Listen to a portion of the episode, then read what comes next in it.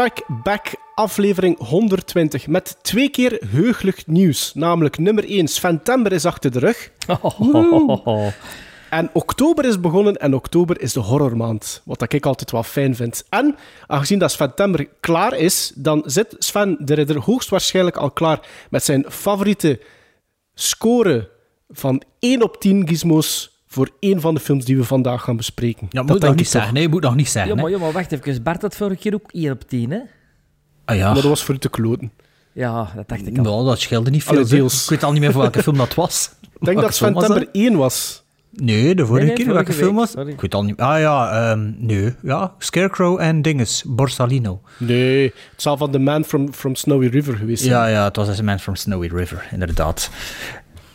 Dus eh, wat kan ik nog zeggen? Eh, social media, zoals steeds. Twitter, Facebook, Instagram, Letterboxd. E-mailen naar gremlinsstrikeback.gmail.com, Sven. Kijk, ik ging Sven Sven laten zeggen eigenlijk. Ja, maar ja, dat is Sven nu weet je natuurlijk, hè. Ja, we hebben al gepest genoeg Ik ken ook tijdens nog altijd pins, hè. Ik ken nog altijd pins. Ik heb ze Ja, vorige en, week nog een en, keer en we verlegd. hebben nog dus- pins.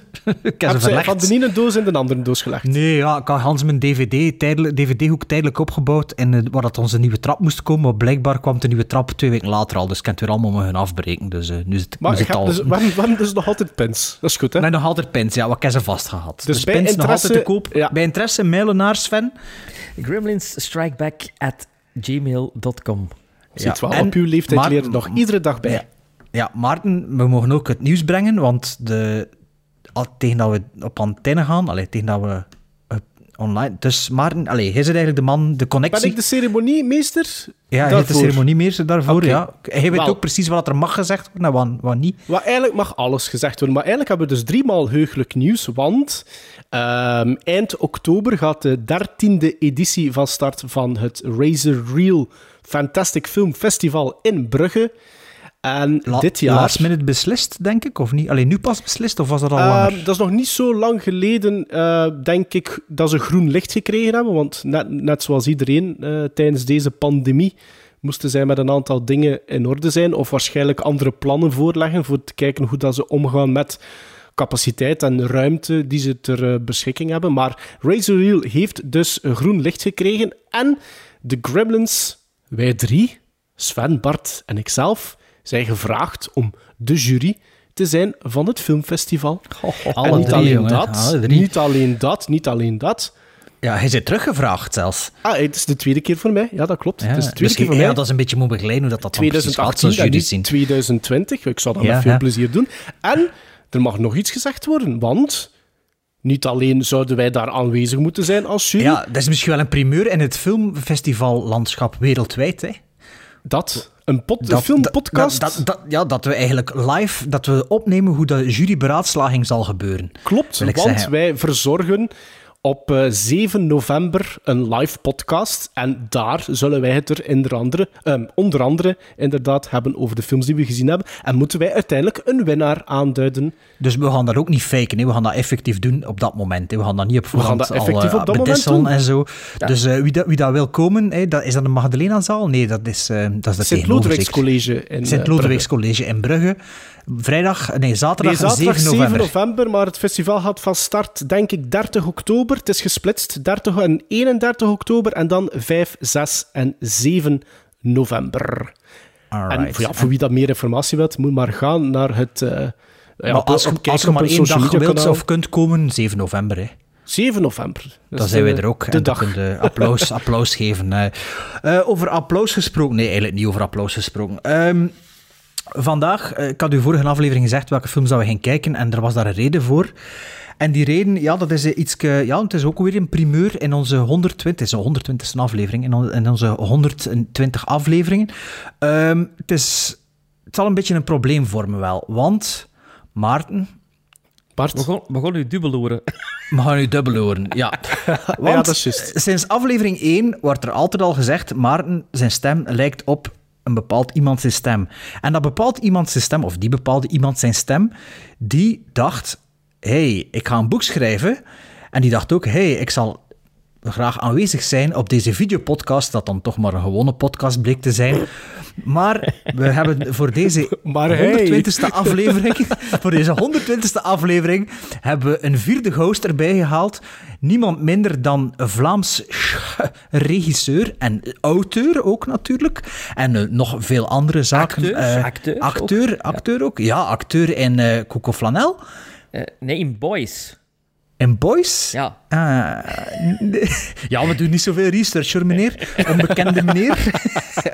Ehm, zijn boek Alle Remmen Los komt... eh, ja, ik weet niet of dat die al uit is op dit moment of niet. Eh, we, we- we hebben eigenlijk geen pre- press sheet gekregen, dus we, we doen maar gewoon iets. Maar we zijn vooral heel blij om een vierde wiel aan de wagen te hebben. Meneer Verheijen Jan, welkom in Gremlin Strike Back, aflevering 120. Dank u wel, dank u wel. En een vierde wiel voor een wagen is heel handig, dat weet je. Dan Als het driewieler ding is, ook is dat echt. overbedig. Ja, ja, ja, ja. ik, mag trouwens, ik ga direct trouwens, eh, eh, eh, ik moet al een beetje ruzie beginnen zoeken, want als mensen dan toch naar het Razor Reel Festival in Brugge afzakken, zou ik ik al. voorstellen om dat op 6 november te doen, want dan is er eh, ook daar de voorstelling van mijn boek en ga ik trailers en fragmenten laten zien uit allerlei films die in het boek staan. En als hoofdfilm is er Kingdom of the Spiders van Ik, John ik, Bud ik wou het er straks nog over hebben, hè. maar misschien ga ik Ja, dat nog sorry. doen. Misschien ga ik Ja, dat dat nog kunnen doen. altijd doen, dit op het einde. Mensen van kunnen de gewoon blijven slapen in Brugge en 6 en Ja, 7 dat kan ook. Dat kan ook. Voilà. En er is veel plaats in de hotels tegenwoordig. het. En er is ook veel plaats in die zalen, dat is een grote Ja, ja. Dus eh, er zal daar zeker eh, genoeg eh, covid-ruimte zijn. Allee, anti-covid-ruimte, of hoe noemde dat? Maar, maar serieus, bedankt voor de uitnodiging, heren. Het is heel Graag fijn. gedaan, want ik vind het plezant dat het de eerste keer is dat we effectief een gast hebben en dat, dat jij dat dan zegt, Jan. Dat is wel heel, Ah. heel leuk. En dus eigenlijk op basis van hoe dat het nu gaat, zal dat dan ook wel de, de toekomst nog of dat nog ja, nee, want, want Jan, gebeurt. Jan, Jan heeft speciaal voor ons een microfoon gekocht. Eh, Zoals je de waarschijnlijk wel hoort als luisteraar.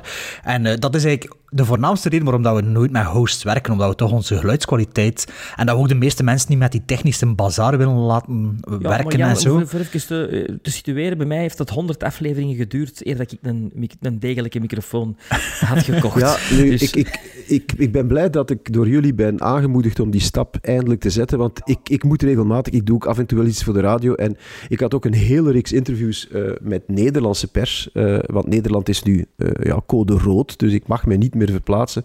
En dan kwam die microfoon ondertussen, is eigenlijk toch wel handig. Ja. Ja, maar ik had u met het overlijden van Robbe de Hert op VRT-nieuws gezien en ik dacht, oei, die klank, dat is, eh, dat is toch niet VRT-waardig. hè. Dus kijk, de Ja. VRT zal u ook dankbaar zijn hè, daarvoor. Ik mag het hopen.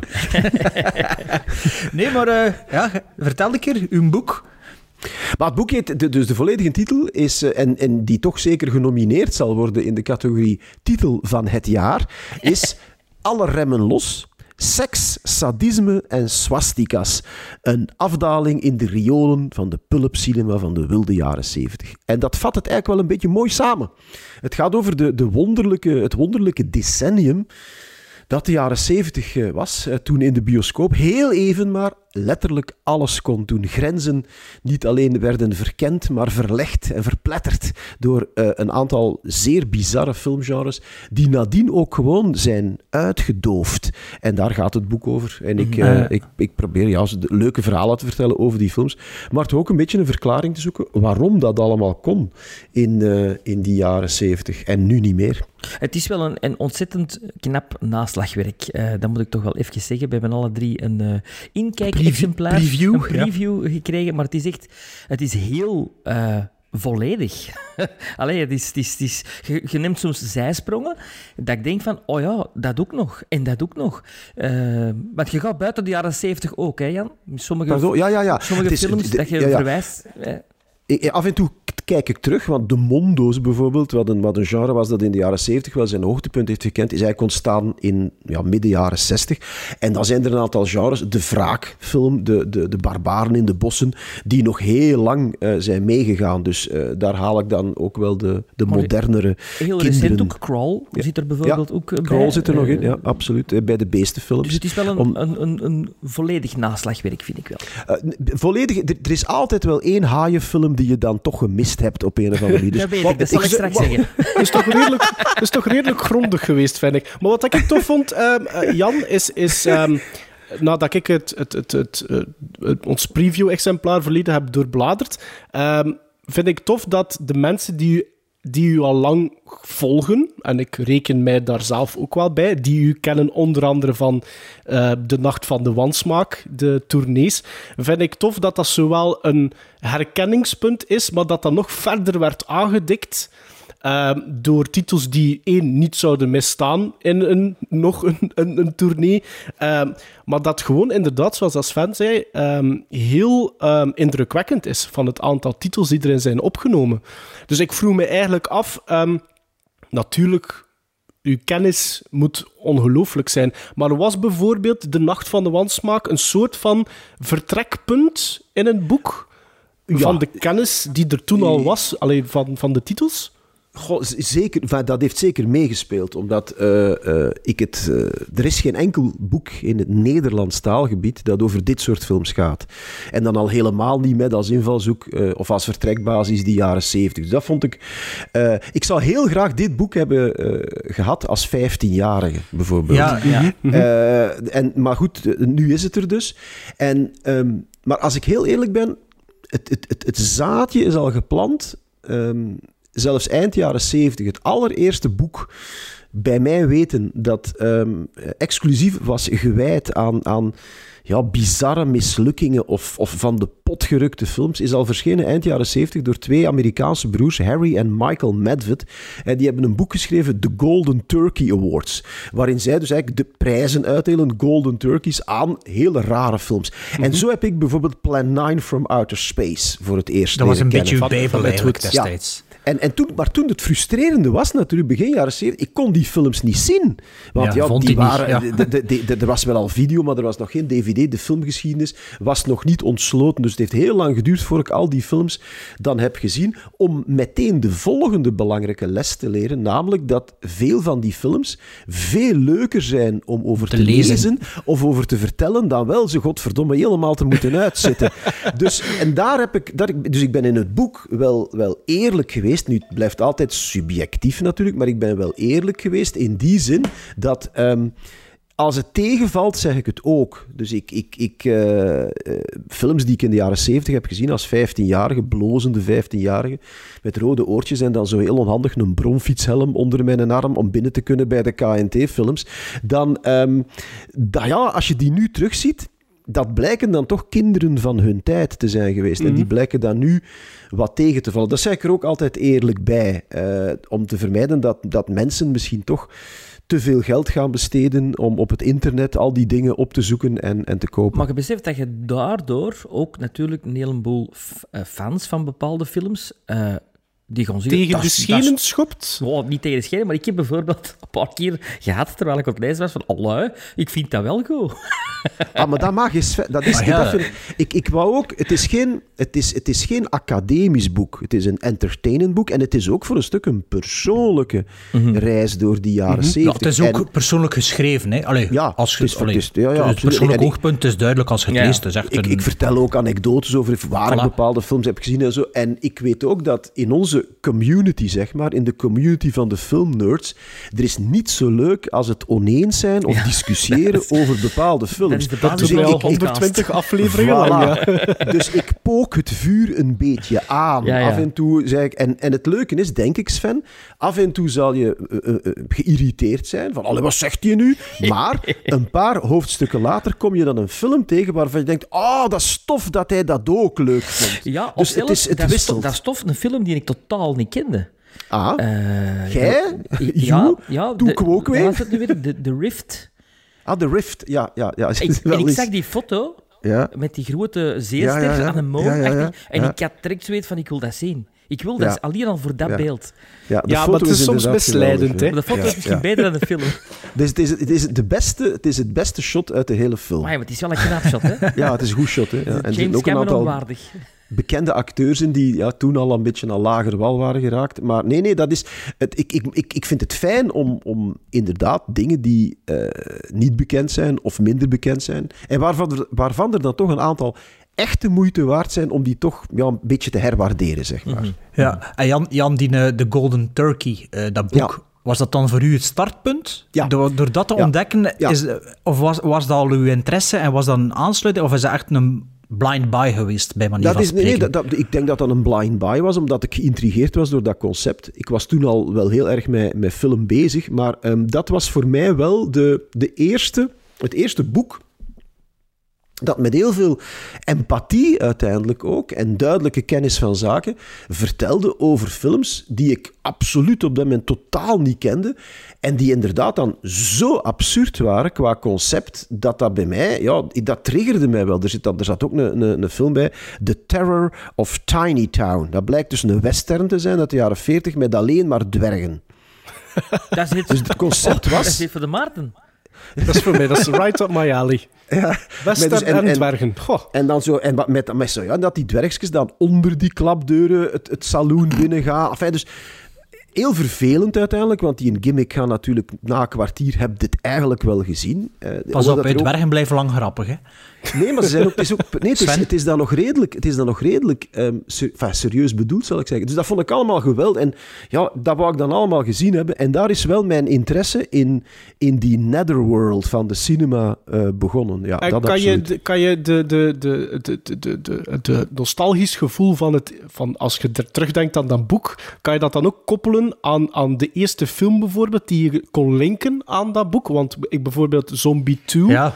helemaal Ja. in het begin, lijst je op. En een- een anekdote hè, van hoe dat je die gaat bekijken, allee, ging gaan bekijken in de zaal. Is dat dan bijvoorbeeld zo een van die eerste films die, die je kan koppelen aan datzelfde gevoel en die herinneringen van dat boek? Ik denk dat, denk dat Zombie 2 nog niet obscuur genoeg is.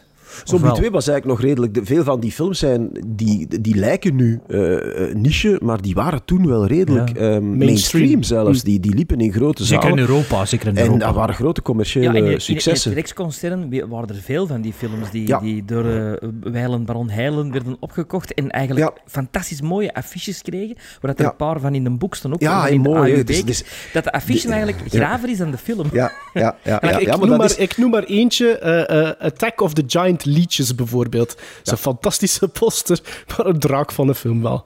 Ja, dat, is, dat, is het dus, dat is het dus vaak. Hè. De, de, de, de poster, dat was dan een van die Roger Corman exploitation titels. Mhm. Vaak werd eerst een poster gemaakt en op basis daarvan Oh. werd dan eh, door, de, door de, de, de verkoopsafdeling eh, gecheckt van is er interesse bij onze vaste klanten, de drive-ins en zo. Beetje en dan werd de film gemaakt. eh, business deed. Ja, ja oké. Canon is inderdaad is een, soort, is een soort erfgenaam. Of, een, of een, in ieder geval, ja, eh, die hebben een aantal van die ja. technieken, die technieken eh, toegepast. Ik hou trouwens wel van. Het is een geweldige docu... Misschien... Ja. Nee, kennen de luisteraars van jullie... I- i- Iedereen weet wat, wat Canon-films is, hè? door- door Sven vanuit- zeker vast. Grote voorliefde we- voor Canon. We, we Ja. gaan ervan uit, als ze het niet weten, dat ze het opzoeken. En als, ze, Ja. als ze het niet opzoeken, dat Wat het is er dat? niet interesseert. Electric, Dus- Electric Boogaloo? Electric Boogaloo en Ja. zo. En, en al die Charles En Bronson dingen, hè. eh, films. En, en, eh, en er Dudikoff. twee, hè. Michael Dudikoff en, en eh, Jean-Claude Van Damme heeft eh, zijn eerste grote film, Bloodsport, En Sam, voor, Canon Sam. Furstenberg. Ja, ja dus en, en dat waren twee eh, Israëlische neven, Menachem Golan en Joram Globus. En die hebben op een bepaald moment, die, die, die in, in Cannes, alle hotels hingen vol met hun advertising. En ik herinner, herinner me nog altijd hun slogan, ik weet niet meer welk jaar het precies was, maar dan, ze waren ook zo echt brash. Ze waren zo echt bigger than life en lawaaierig en zo met hun hemd... Met, met hun hemd veel te ver opengeknoopt en zo. En, De ene en was een toffe en de andere was een ambetant schijnde. Mijn Ze hem was, was een ambetant Dat is like de Weinsteins, En de. Joran was een toffe, hè? Ik vond het omgekeerd eigenlijk. Ik vond Ah. die, ik vond, omdat Menachem was ook regisseur. Menachem heeft dan ook bijvoorbeeld de Delta Force. Ja, goed, Ja, Joran. Joran was de nummertjes, Eh, hè? Joran maar- was de maar- boekhouder meer niet. Ja, Joran was meer de, de, de numbers cruncher. Ja. Maar hun slogan was toen, en ik vond dat geweldig, start building bigger theaters. Want wij komen eraan. Zo. Eh, nu, dat was dan niet nodig gebleken achteraf om daar grotere zalen voor te bouwen, want Ja. het heeft niet zo heel lang geduurd. is trouwens een geweldige document. Er zijn twee geweldige Ja, twee, documentaires hè. gemaakt. De Go-Go Boys. Ja, is en dat is toch wel dat is heel interessant, omdat dat ook een kijk geeft op, op ja, de, die, hoe er in de jaren tachtig eh, toch nog eh, eh, ontzettend veel pulp werd gemaakt. Ja. Maar dan voor de videomarkt en niet langer eigenlijk voor de En bioscoopmarkt. wel, daar word ik even op inpikken. Ehm, als ik het boek, al, ik heb het niet helemaal gelezen, maar toch grote stukken erin. Het stopt precies wel aan de, aan de video, na, Ja. allee, voor de video naast is. Ja. Is dat een bewuste keuze of, was de, op dan, of is dat iets dat je minder bewust meegekregen hebt allemaal? Oh, nee, nee, nee. Dat is, het is de, de, de- je zou een boek kunnen maken. Dat is Er trouwens... twee, eh, eh, Dat dat weet ik, maar, maar misschien dat, de, dat jij nee, nee, persoonlijk ik- ik- nee, ja, te nee. oud was om dan nog echt volledig dat- te kunnen ondergedompeld in zijn, geraakt te zijn en zo. Want ik ben begonnen als distributeur in de tweede helft van de jaren 80, dus wij hebben die videoboom aan den lijve meegemaakt. Dus daar valt zeer veel over te vertellen. Maar ik wou het ook echt begrenzen, enfin, min of meer begrenzen, die jaren 70. Die jaren 80 is een ander verhaal. En i- Dat is, is een ook, boek. is dat ook iets dat, je, dat jij een boek over denkt te kunnen schrijven? Of is dat iets te... Oh nee, ik zou dat Ver, zeker... ver van mijn bed niet, maar... Nee, nee, nee, nee. Ik zou dat zeker... Nee, omdat ik dat ook een stuk actiever heb meegemaakt eh, op filmmarkten en zo. Dus nee, dat, dat, zou ik, dat zou ik zeker kunnen, maar dat gaat minstens even arbeidsintensief zijn als dit. Dus laten we nog maar eerst even afwachten of er überhaupt iemand hierin is geïnteresseerd. Ik denk dat wel, Allee, absoluut. Ik, ik denk dat je, toch, dat je toch wel een, eh, een publiek hiervoor voor aange, aanboord. Maar het publiek, het, het, het, het ingebouwde publiek wordt verondersteld de, de, de, de, genre-liefhebbers te zijn. eh, Ja, eh, de, de mensen die ook naar de Nacht van de Wansmaak komen en die dvd's van eh, dit soort films kopen en zo, die zijn relatief, hè, ik weet niet hoe talrijk die precies zijn, zeker in Nederland is dat toch wel een zeer actieve niche. Maar ja, die vinden natuurlijk ook wel een weg, neem ik aan, naar, naar de Engelstalige eh, boekenmarkt. Vandaar dat het goed is dat het met die jaren 70 toch een heel eigen invalshoek heeft. En misschien kunnen we ook een beetje meesurfen op die golf van nostalgie. Hè. Al die programma's als Wat een jaar en Groeten uit. Het is duidelijk dat mensen daar toch wel ja, met enige nieuwsgierigheid of nostalgie naar terugkijken, jaren 70, Maar- 80. En, en denkt u dat het een mainstream boek is? Allee, Ik weet niet. mainstream is het inhoudelijk natuurlijk niet, hè, maar denk, is het iets dat... maar het is wel een leuk hebben ding. Ja, het is en- zeer, het is zeer mooi uitgegeven. Het is Wat, zeer wat mooi ik er tof van vind, is dat je je hoofdstukken hebt. Hè? Ja. Ehm, over de beesten bijvoorbeeld, daar ben ik heel hard in geïnteresseerd. Dat, was, dat, dat zijn en ge- verschillende hoofdstukken over de beesten. Ja. Bijvoorbeeld de nonnen en zo, dat is, pff, ja, dat, dat, daar heb ik even overgeslagen. Dat, Allee, de exploitation, Ja, dat is niet voor u, Daar Sven. kom ik nog misschien wel toe, maar, maar niet nu. Ja, het is, een- het is een coffee, coffee table boek. Hè. je kunt er echt ja. doorflippen en, en, en een stukje Je- lezen. En, en je kunt ja, een, hoofdstuk aanboren en dan een ander. Ja, ik vind dat wel. Ja. Ja, dat is, dat is absoluut waar. Dat is ook, dat is ook het concept. Ehm, het is niet een boek die je van begin tot einde moet lezen en, en je gedachten erbij houden of je zet de plot kwijt. Dat zeker niet. Eh, en het is ook mooi om in te bladeren, omdat er zoveel foto's en affiches en, en die zwart-wit annonsjes uit een AUB en Ja, zo. dat, Dat, is, inderdaad... hè. Dat is dat is echt. A trip down memory Ja. lane. eh, En een absoluut. fantastische, fantastische foto op de eerste of de tweede bladzijde van Mark Punt met haar. Daar was ik toch ook even niet goed van. Dus een beetje zoals jij nu eigenlijk. Ja. Ja, ja, ja. ja, ja, En, en, is, en, en de, de, de, de meeste van die foto's, is dat uit uw persoonlijke collectie of is dat vergaard links en rechts? eh? Eh, ik moet toegeven dat de vormgever, ehm, eh, die ook het de leukste opdracht in jaren vond, zich geweldig heeft laten gaan. Hij heeft dingen teruggevonden, ehm, ik weet niet waar, ehm, die, zelfs, die zelfs mij hebben verrast. Er is ergens, denk ik, een Poolse affiche van, van welke film was het ook weer? Ja, dus echt op, zeer obscure, maar, maar prachtige dingen die, ja, die ik zelf met heel veel plezier heb alleen naar zitten kijken. Zo, ah, dat is toch wel tof gedaan. Eh, maar het is niet dat je zoveel rommel nog hebt zoals Sven Nee. van 30 jaar En ik, geleden. heb, ik heb vooral ik heb heel veel dvd's, eh, maar mijn affichecollectie heb ik laten veilen. Die, is- die zit op dit moment bij een Amerikaans veilinghuis, omdat ja, dat lag hier dan en uiteindelijk je kunt dat toch niet hangen. Dus up, Wacht, dat, wacht, is, wacht. dat is de deur die laten veilen en je hebt niet gezegd, Sven, misschien zit er wel iets bij dat jij misschien kunt kopen. Maar Sven, jij Ja, krijgt iedere budget, weekend dozen. budget. Jij krijgt iedere Ja. weekend dozen met laserdiscs. eh, laserdiscs Laserdiscs. Laserdiscs. Dus van Ja, dat boek. hè. Laserdiscs. Laserdiscs. Eh, laserdiscs en posters van, van, van oude mensen die hun zolder aan het opruimen zijn. Ja, dus wat maar zit ja. eigenlijk nog te klaar? Je hebt nu al geen plaats meer. Ik weet het, maar toch af en toe misschien kan Ik heb, u, ik heb u, het, ik zie het ook als mijn taak, Sven, als jouw vriend, om jou tegen jezelf te beschermen. Eh, Jan, eh, kun je er een periode op plakken? Hoe lang heb jij daar nu aan gewerkt? Aan dat boek? Goh, dat is natuurlijk niet iets dat je... Ik heb er dit, dit voorjaar wel drie... Ik had er drie maanden voor vrijgemaakt om het echt ja, helemaal af te werken. Maar ik heb er vorig jaar af en aan, zoals dat dan heet, aan gewerkt. eh, Hoofdstuk per hoofdstuk. Het is natuurlijk... Het schrijven, dat was niet zo heel moeilijk, vond ik. Eh, maar ik wou al die films, waar ik, zeker de films waar ik het uitgebreid over heb, wou ik ook echt terugzien. Dus ik heb vooral heel veel ja, ja, ja, ja, dingen teruggezien. Eh, dus dat is natuurlijk wel relatief tijdrovend. Kijk, kijk je nog altijd zoveel films? Ja, dit jaar is natuurlijk veel meer ehm, in mijn home cinema hier dan in de bioscoop. Maar laat ons zeggen dat ik toch mijn gemiddelde van, ja, wat zou dat zijn, 250, 300 films per jaar probeer eh, vast te houden. En veel herbekijken daartussen, of niet? Ja, er zitten nog wel dingen bij die ik, die ik afvind. Dit, dit jaar nu zeker, en vorig jaar Tuurlijk. Ja, met voor het het oog boek, op het ja. boek. Ehm, maar ja, er zitten elk jaar toch ook wel van die, van die 250 à 300 zullen er dan toch wel 50 zijn die ik, die ik opnieuw zie, die ik herzie. Of, eh, of die ook oudere films zijn die ik toen heb gemist of wat dan ook. Oh, dat is nog niet zoveel eigenlijk, 50. Dan moeten we zeker Letterboxd eh, checken, hè? Of, of pakken. Ja, Ken je er- dat, er zijn, Letterboxd? ja, maar er zijn, er zijn verrassend veel van die... ehm, in Nederland bleken er twee of drie ehm, streamers te zijn die alleen maar horror, science fiction, fantasy, cult eh, hebben. Dat is ook drie te veel, want ze zitten allemaal in de problemen, heb ik begrepen. Nee. Maar goed. Maar Letterboxd Ja, maar is, Let- is- is Letterboxd- een app waar dat je Ah, dus een app. uw, uw, Ah, ja, ja. uw diary Ja. bijhoudt. Maar Ja, Jan ja, heeft een ander ja. systeem van punten Ja. geven. En dat is... Ik moet mijn... Moet je dat nu echt zeggen tegen de mensen? Ja, die, ik- ik ben al zo'n nerd. In, ja, maar nee, ik, ik maak ja. met Jan altijd Maar we zijn allemaal... eh, ja. Op het einde van Ja. het jaar. Hij, hij maakt mijn lijst, stuurt het naar mij. Mijn lijst stuur ik naar hem. Ehm, maar zijn puntensysteem is anders dan de normale puntensystemen. Dus het is, ik moet altijd, Ja, maar- mijn- als ik mijn punten doorstuur naar Jan, moet ik herberekenen. Zo van, oké, want zijn maximum is vier sterren. ja. Ja, oké, Oh, maar... oké. Ik werk wel dat met halfjes. Ik werk wel met halfjes en Ja, zo. ik weet het. En met Ja. 1-0 en 2 nullen. Ja, ja, ja, ook, ook ja, Ja, ja, maar ja. dat kun je allemaal aanpassen in Letterboxd. Maar dan heb je een mooi overzicht op het einde van het jaar hoeveel films dat je exact gezien hebt en wanneer. En ook welke acteur dat je het meeste hebt gezien. Dat is, dat is soms Ja. heel Ah ja, oké. ja, je ja, denkt ja, maar de goed. regisseur en zo. Ik Ja, moet dat ja. dan allemaal invoeren. Ja, maar ik, zal, ik beloof dat ik er eens naar zal kijken, maar ik ben natuurlijk een dinosaurier en nogal gehecht aan eh, mijn gewoontes. Ja, maar Sven kan ermee overweg, dus dat zal wel meevallen. Hè. Mm.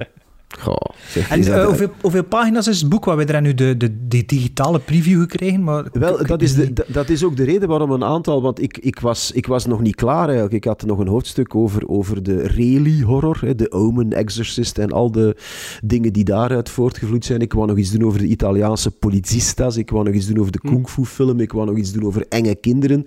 Maar het is nu al 450 bladzijden en de uitgever zei van... Jan, Stop. hier stopt het. Want mensen moeten het nog wel kunnen optillen. Wat ik Ja. een goed argument vond. Maar, dat is, maar dat, is, dat, is, dat is goed, dus er komt sowieso nog een vervolg. Er komt Ja, sowieso ja, ja. een vervolg. vind ik wel een heel goeie. Enge kinderen, ja. ja. Dat, is, dat, is, dat is een subgenre ook, enge Ja, er kinderen. is nog een subgenre, dat we, dat, eh, poppenfilms. Poppenfilms. Ja, maar dus je, kan- als, je, als, je, zijn dingen. als je het blijft, je, je kan, je kan, je- er zit best nog wel een tweede boek in. Ze, hè? Er zit Eh, trek op. Ja. Ehm, trek op, ja. Eh, maar, maar, eh, even eh, de- over de Italiaanse politia-films of eh, Eurocrime-films. hè. Ja. Dat, is, dat is iets, ik ben er wel redelijk liefhebber van, maar ik wil dat nu eens first-hand horen van een, iemand eh, die toen al leefde. In de jaren 70 Allee, man. in de Ja, jaren oké. 70 speelde dat veel in de cinema, of Nee. was dat ook iets dat je moest zoeken? Of Nee, dat was bij, die, die Italiaanse policistas is bij ons, bij mij, ik herinner mij dat niet. Dat, dat, kwa- Als dat al bij ons uitkwam, moet dat zeer sporadisch geweest zijn. Dat heb ik pas veel later ontdekt eh, via DVD en zo. Ja. Dat, was een, dat was een genre dat vooral in Italië gedurende ook weer een korte periode erg populair is Ook niet geweest. op Er zijn er tientallen van gemaakt. VHS. Betamax ook niet. Ik, ik, dat Nee, herinner ik mij niet als dusdanig. Ik zeg niet dat het niet zo was, maar ze waren veel minder aanwezig dan bijvoorbeeld de Italiaanse zombiefilms of de Mad Max rip-offs of, of Oh, ja, de, ja. de, de kannibalen en zo. Eh, dus het was toch iets dat vooral in Italië heel erg eh, populair was. En dat dan ook nu de, de, de, het laatste decennium ook weer met veel liefde is uitgebracht door een aantal Amerikaanse labels. Nu moet ik ook wel zeggen dat... ehm, Ehm, ik ben daar zelf nu niet de grootste fan van. Eh, veel van die dingen zijn toch erg routineus en, Oh, ik en vind dat- slordig. Ik vind dat er wel veel energie van uitgaat. Ik kan, er, allee, ik kan, Ja. er niet, ik kan niet zeggen dat ik er 40 gezien heb, maar ik heb er, pak dat ik er een stuk of 5, 6 gezien heb. Ik vind altijd dat dat, altijd dat dat zonder toestemming gedraaid is en zo. Ja, ja, dat wel, achtervolging ja, en zo. ja, ja, en dat ja, vind ik altijd wel redelijk boeiend om, om, om te ontdekken. Ja, natuurlijk soms de mystery af... Ja, dat is ook soms twee keer niets dat verhaal natuurlijk, maar allee, er zit, ik vind dat er altijd wel zoiets... eh, iets, ehm, ja, iets ehm, natuurlijk instinct vanuit gaat. Zo. Allee, als ik begrijp wat ik bedoel. Ja, en, en een soort energie, dat is absoluut Energie, wel voilà, waar. dat, ja, ja, dat, dat ja, is het woord. dat Oké, ja. Ja. dus dat, dat was niet te vinden hier in de jaren 70 ook. Ja. Eh, ik zeg niet dat het niet te vinden Nee, enfin, maar het, weten, het zal ja. hier en daar, maar het was zeker niet, eh, niet, niet heel courant bij ons in de bioscoop. Ik, ik, heb, eh, ik heb op ehm eh, Offscreen Festival een paar jaar geleden wel een filmprint gezien, een filmprojectie, en dat was Nederlands ondertiteld Burned In. Dus Ja. het moet wel zijn dat dat Ja, hier wel... Dus er zullen er, maar die zullen bij heel kleine distributeurs gezeten hebben. Maar bijvoorbeeld, in, eh, tenzij Sven mij nu gaat tegenspreken, ik herinner me bijvoorbeeld niet dat die eh, in, in de Antwerpse centrumbioscopen Nee. gelopen Nee, hebben. nee, nee, nee.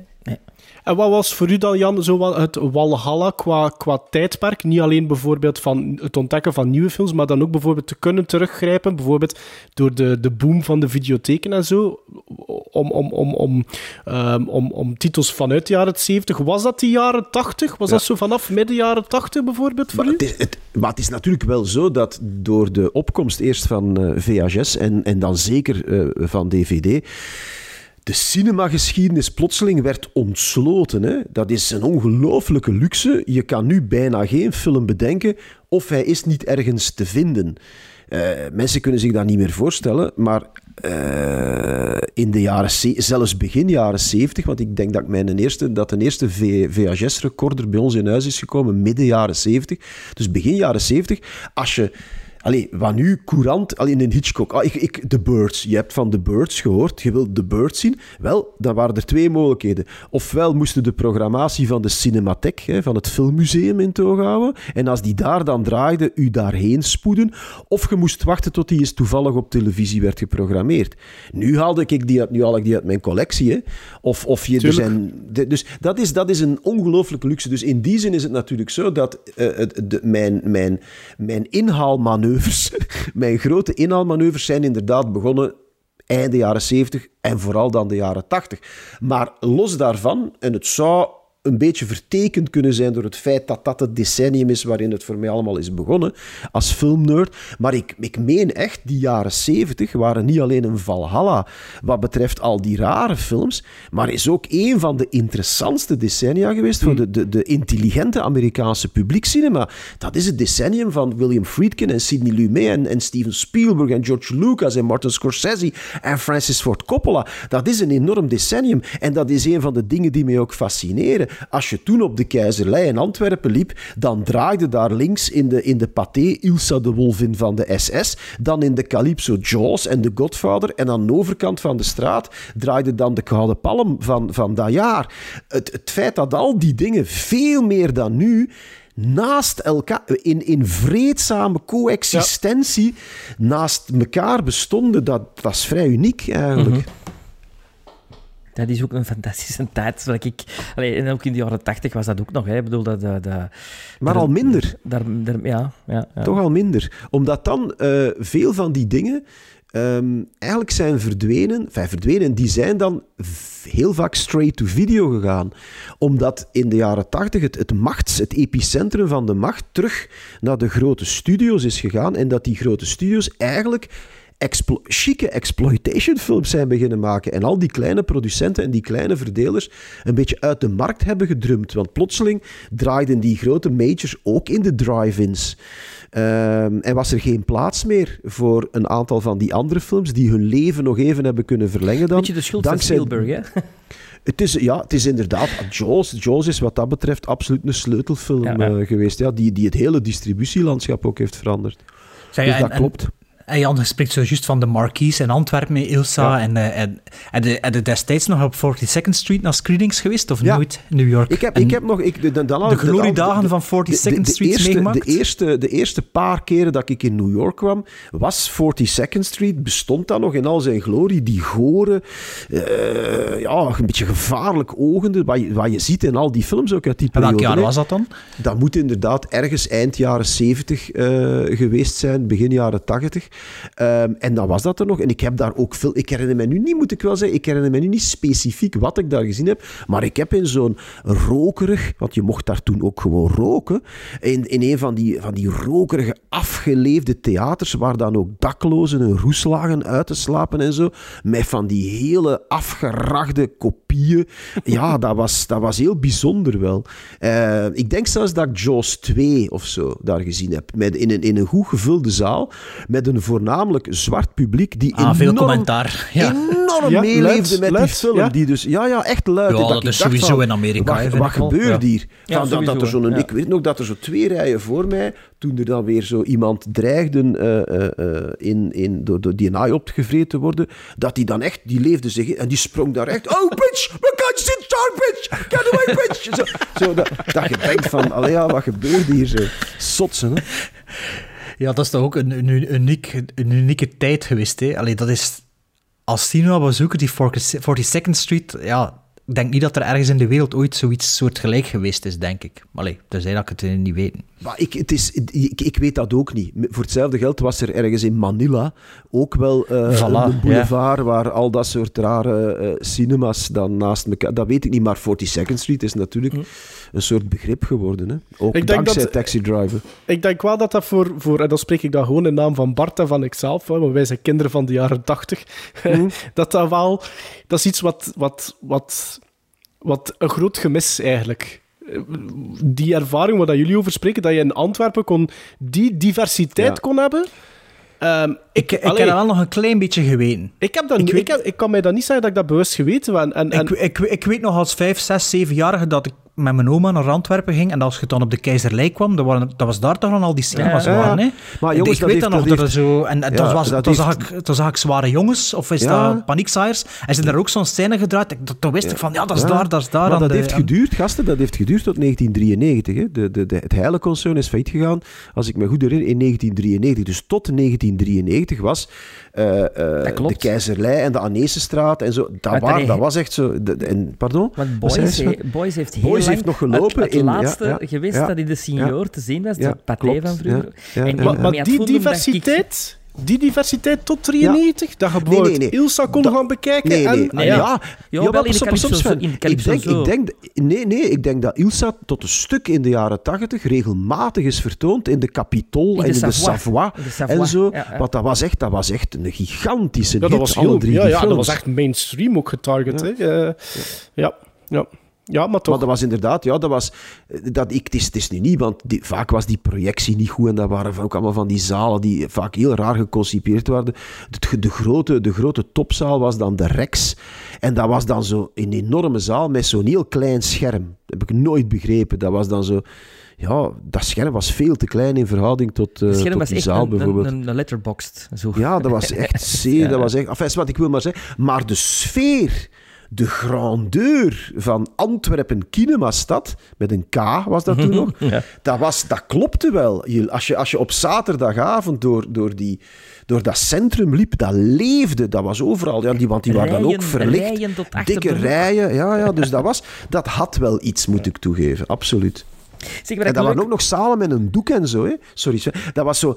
Nu, ik, ik heb dan nog altijd zo'n soort kinderlijke opwinding als de lichten doven en de Mhm. film begint. Maar als er dan ook nog een doek openschoven... Oh. In, eh, in de, is dat die in Odeon Theatre op, ehm, op de- in Londen? Is dat toch nog Leicester met een Square. doek? Le- op Leicester Square, hè? Ja. Ja, dat is... Ja, allee, dat is is nu wel je hebt, dat- ook graag eens, Sven? Dat, dat nou de gordijnen, hè? zoals de tent Ja, komt, dat vind ik ook? Plush. De plush. De, pl- de plush, ja. Sorry, maar Sven, want ik heb je al twee keer onderbroken. Dat is niet erg. Maar wat ik in een boek heel leuk vind, ook, zijn de guilty pleasures van Ah, de ja. mensen die erin staan. Omdat ik me daar ook eh, in herken. Uzelf in zien staan. Nee, Voor, maar het ik- tweede boek, voor het tweede boek, Ik herken mezelf en ik vind het zalig van, van, om te zien dat Robin Pront bijvoorbeeld Masters of the Universe kiest. Een Ja, dat vond ik wel een heel rare keuze, Nee, maar goed. nee, ja. absoluut Nee, niet. je zei het al een paar keer vermeld. Is dat niet zo'n video dat bij hem thuis lag en dat was de enige videocassette die ze hadden of zo en dat dat dan altijd dat op is, stond? zijn vader, en dat stond in een boek ook, zijn vader Of- was een chauffeur eh, voor, Ja. voor, en hij, Voor Dolph Polygram, Lundgren. ja, onder andere. Voor Polygram, ja. voor Polygram. Dat was, nee, dus die, die, die, die, die bracht eh, bestellingen naar de videotheken of zoiets. Dus, en die, ja, die, die, Robin had thuis de volledige Canon-collectie, Oh. eh, waaronder dus Masters of the Universe. En die Oh, heeft daar Sven. veel te veel naar gekeken, volgens mij. Oh, ik Op- jaloers. Maar dus, eh, Jan, het boek is, is vanaf... Wacht, wij komen online uh, maken. Wij komen online wanneer? de dertiende. Vol, ja, Is het vanaf dertiende. heden te koop? Of nog Nee, nee, nee, nee. Vanaf, eh, ik denk dat die vanaf 19 oktober eh, te vinden zal zijn in, de, in de winkels en de, de, de, ja, En de, de bol- van deze wereld. Ja, ja, ja. Ah, Oké. We eh, kijken er alvast naar uit om Mag het nog, papier... mag ik nog twee dingetjes zeggen over de boek?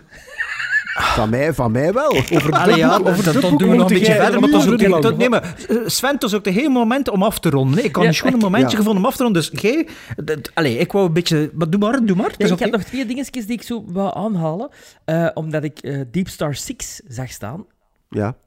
Maar Leviathan niet. Ja, dat is voilà, dezelfde dat- film. Ik ben al betrapt, hè. ik ben al betrapt, inderdaad. Ik heb, maar dat is een heel kort... Ik, ik, heb een, nee, ik heb een overzichtje gegeven van eh, zo eh haaienfilms of, of onderwaterfilms. ja. Diepzee, Die, eh, maar nee, maar die, dat is niet helemaal wat. Het gaat echt over haaienfilms. Leviathan is geen een haaienfilm, maar die, die Abyss staat er ook niet in, dus het klopt wel. Ja, oké. Ah ja. En dan één ding waar ik een beetje... Misnoegd. Ja, dat- Oei, ik zie het al nu gezegd. Je zit triest al. Nu al. Ja, er staat één zin in een boek dat ik dacht... Allee... Op Hooper- 450 Tobe pagina's, dat heeft valt goed niks mee. meer bijgebracht. Wie? Toby Hooper. Ja, na Texas Chainsaw Massacre, sorry. Dat vindt Sven die ook me- slecht, hè, dus... Ja, maar... Allee, Poltergeist? Ja, dat is Steven Spielberg. Nee, er staat Toby Hooper op. En Life Ja. Force, hè. En Invaders from Mars? Dat is zo slecht, Sven, Nee, die ja, Invaders from. Mars. Dat is zo, zo Dat is een onnoemelijk. van mijn favorites. Allee, ja, dat is u gegund. Je weet, ik gun u ontzettend veel. Maar ik, ik, ja, er zijn zo'n aantal van die regisseurs. Ook John Carpenter, eerlijk waar. Dat is ook na een paar films was dat ook afgelopen. Wes Eh, wat, is dat, Craven. wat- wat- Allee, wat is dat van John Carpenter? Ik, ik voel al een spin-off podcast komen. Ja, ja, ik denk het. Nee, nee, maar dus, ja, wanneer is John Carpenter dan eh, in 1994 bedoelde dan of zo? Van als hij met grotere budgetten begon te werken. The Thing. Ja, Nee, van, de- de, de nee, de Thing Ting niet, hè. Savan nog. De Ting Sa- denk na de Ting. Hallo. allee, een van de beste films ooit.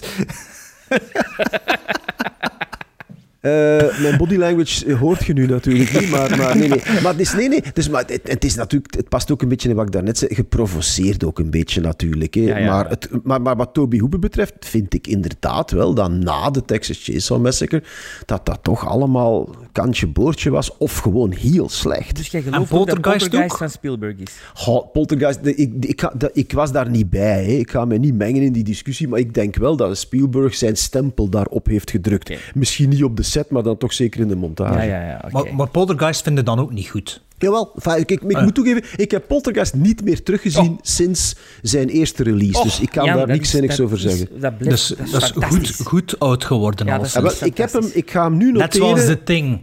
Ik ga hem nu noteren. De Poltergeist aanschaffen. Voilà, Met aanschaffen. pen, En met, dit-. Jan doet dat met en- pen en papier, hè? Sven, Ja, dat is en- een beetje zoals jij dat doet. Ja, hè? ik weet het. Zit zit er nog aan het schrijven, Jan? En Nee, ik de- ben- ik kan- de ik kan twee thing, dingen tegelijk. thing, The Thing. Ja, maar de Ting, ik denk dat dat hier wel staat. de 4, Ting. 4K transfer arrow video. Ja, oké. Het is ook genoteerd. Allee, kijk, de Ting, hier. You know something, people? You're going to be remembered the rest of your lives for the day you got held up and kidnapped. Victims of Stockholm Syndrome develop compassion and loyalty towards their captors.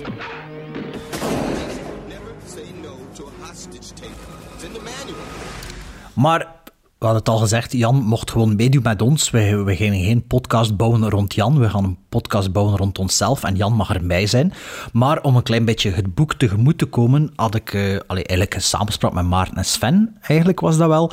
Hadden we twee films geselecteerd die in het boek ook aangehaald worden. Eh, Sven, eh, deze, de eerste film was eigenlijk een film die Sven direct zei van ja, ik wil die bespreken. Dus we hebben dat dan maar van de eerste keer goedgekeurd en, en er een handtekening onder gezet.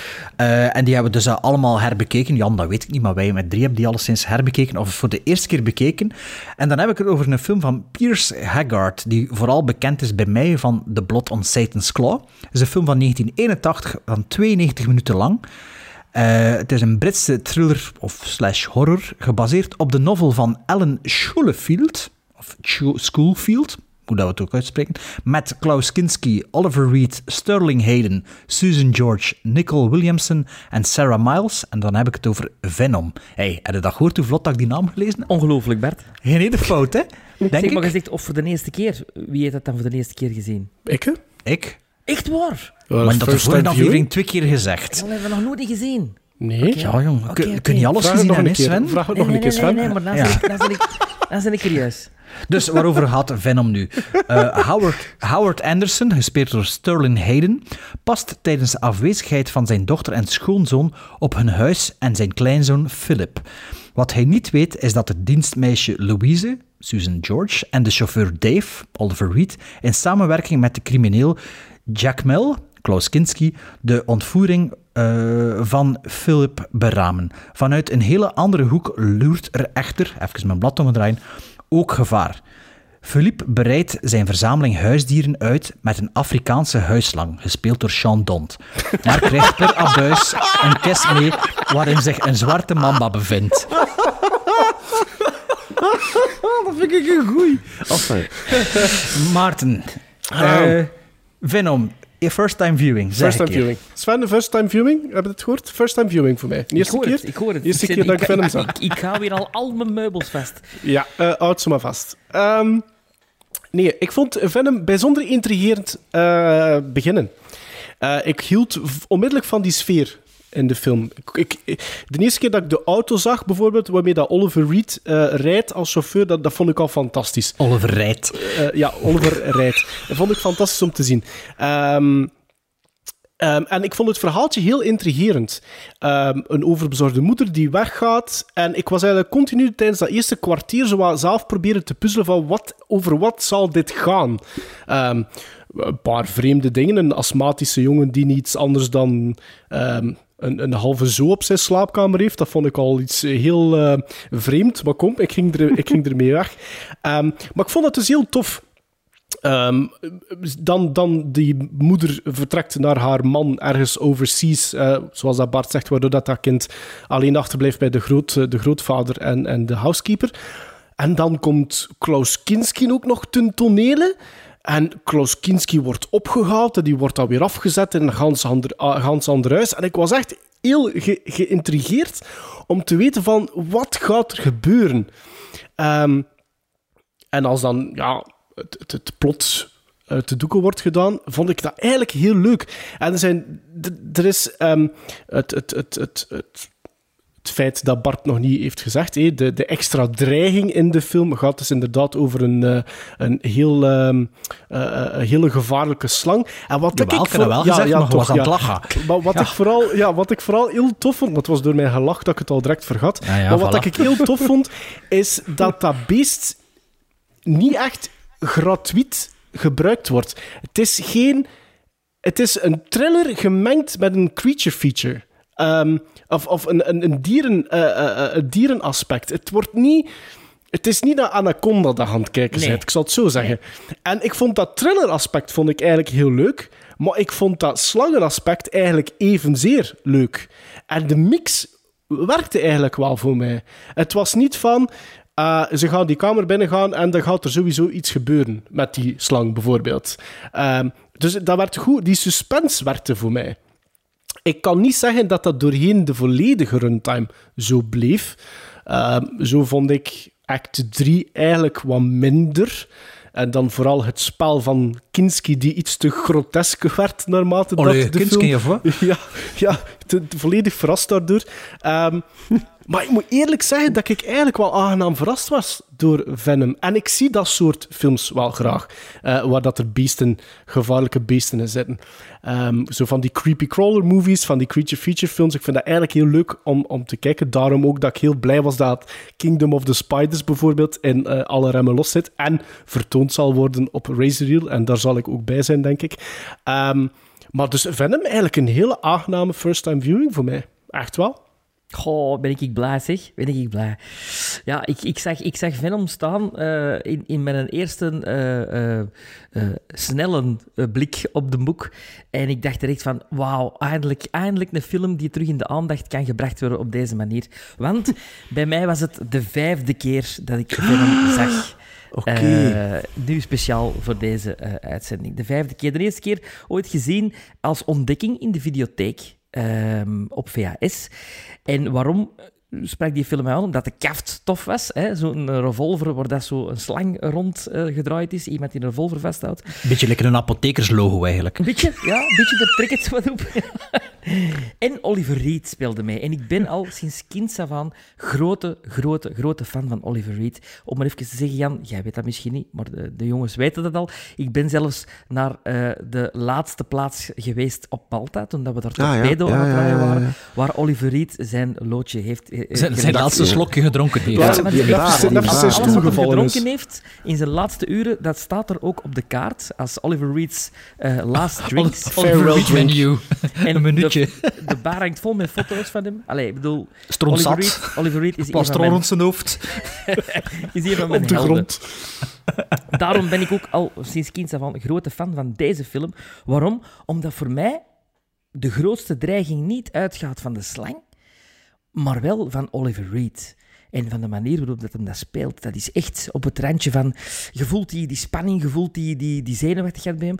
En de clash tussen hem en Klaus Kinski, dat vind ik... Allee, over een goede casting gesproken van die twee mannen, die allebei ook een heel moeilijk kara- karakter hadden, het schijnt. Van die samen op een set te zetten, eh, je moet maar durven, hè, denk ik dan. Maar dat werkt en dat marcheert. Die twee ego's, dat marcheert ongelooflijk. Sterling Hayden kende ik vroeger niet, maar ken ik nu wel, onlangs, omdat we... eh, omdat Dr. ik, Strangelove, voor, ja, ik heb voor het eerst Dr. Strangelove gezien, denk ik een jaar geleden of zoiets. Of, dit, of dit jaar. Begin van het jaar of zo. Eh, dus nu weet ik ook wie dat Sterling Hayden is. Ehm, Kapitein Iglo, hè.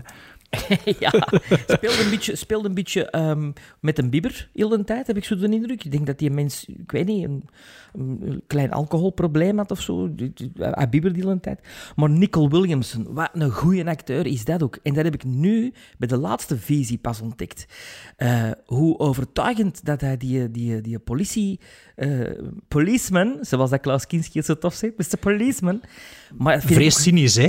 Ja, Heel cynisch, hè. maar, maar heel overtuigend ook. Ehm, de muziek van Michael Kamen is fantastisch van in het begin. Je krijgt een soort... eh eh, je hoort al de tonen van Robin Hood, Prince of Thieves in de openingscredits. Ehm, en het duurt 92 minuten, wat ik een super, super pluspunt vind. Een film van 92 minuten die geen minuut te lang is. Die eigenlijk elk, elke moment eh, een spanning geeft of een, of een element meer geeft. Ik ben dus nog altijd, na de vijfde viewing, een grote fan van Venom. Ik wil er nog even aan toevoegen van die eh, William Bullock. Is dat personage dat die ehm, eh, Nicole Williamson speelt. En ik zag die voor het eerst in Venom. En ik dacht van, god, ik ken die gast. Hè. Van waar ken ik, ik die een tip? Maar ik zag die altijd met iets wat of een baard acteren. Want die was Merlin in Excalibur. En, en de laatste film, denk ik, dat ik heb nog echt goed van ken, is het in Spawn ook van 97, denk ik. Ah, had die keer, eh, had eh, prison, eh, prison Bound eh, film Ja, dat zou kunnen. Ja, een van de eerste, Spawn? denk ik zelfs. Ja, Spawn. Dus daar zit hij ook in. Maar ik ben altijd gewoon van die mens te zien met een baard. En nu was hij zo glad geschoren bijna. Ik dacht van, ja, maar tja, ik ken die gast. Dus eh, Ja, ik, daarvan dus. Is trouwens, ook, is trouwens ook, ik weet niet voor deze film, maar ook nog eens te gast geweest in Antwerpen in het Rechtsconcern. eh, eh, toen dat, eh, Baron Heilen allemaal die, die sterren overbracht. En ik geloof De dat hij van Passage to India. Was dat die? Ja, eh? nee, daarvoor nog. Hè. Is hem ook nog eens te gast geweest. Ik, was het misschien voor Venom? Dat kan. Ehm, Maar we hadden hem niet gezien. Hadden hem toen gezien Nee. in het echt? nee, nee, maar wel, Nee, nee. wel op, de, op de voorfilmpjes. Ah ja, ja. En de, de, de, na, de nafilmpjes. De, de Antwerpse cinema-actualiteiten. Ja, dus na, allee, na, na, het- na de feiten eigenlijk, bedoelde. Na of de aankondiging. Ah ja, oké. oké. Ehm, Venom, ja, dat was voor mij ook een nobele... Nee, geen nobele onbekende. Ik had er wel al van gehoord, maar... Stond niet op mijn watchlist, zag ik alleszins. Ehm maar kijk, ja, Sven, je mag ook af en toe een keer iets kiezen. Zie je wel, hè. En ja, dat was dus Venom geworden. Eh, ik was ook, zoals Maarten, vanaf het begin was ik wel mee. Ik wist natuurlijk niet waarover dat de film ging, behalve dat er iets met een slang was. En met dat Britse moest ik direct... eh, allee, ik zat eh, in de sfeer van The Omen. Met dat manneke eh, zo dat, van, van look and feel, hè, bedoel ik. The Omen, Burnt Offerings. Oliver Reed speelt ook in Burnt Offerings, Ja, dacht ik. ja, ja. De Sentinel, die sfeer zat de er zo'n beetje in. En ik dacht, ah cool, met dat groot herenhuis en zo. Dus eh, ik was ook in het begin was ik echt wel geïntegreerd naar waar het verhaal naartoe ging. Ehm, maar redelijk rap had ik zowel het gevoel van... ja, dat dat allemaal toch wel een klein beetje met daken en ogen aan elkaar hing ook zo. eh, totdat de moeder weggaat niet. Dat, dat, dat is een, mooie opbouw en zo. Maar dan, eh, lijkt dat ook aangehaald, Klaus Kinski die wordt zo opgehaald en voor mij was dat niet helemaal duidelijk wat dat ze gingen doen. Maar dat bleef niet duidelijk voor mij totdat ze het aan het doen waren eigenlijk. Van, oftewel was ik niet goed aan het opletten en ze echt het plan uitgelegd of gezegd wat het, wat het plan was. Nee, nee, maar dat vond ik, dat Nee. vond ik net een pluspunt daaraan voor, Ja, een- dat- voor, voor een change. Gewoon dat je als kijker moet meegaan en dat het eigenlijk niet eerst wordt uitgelegd wat dat... Allee, je kunt wel ongeveer weten wat dat er gaat gebeuren, hè.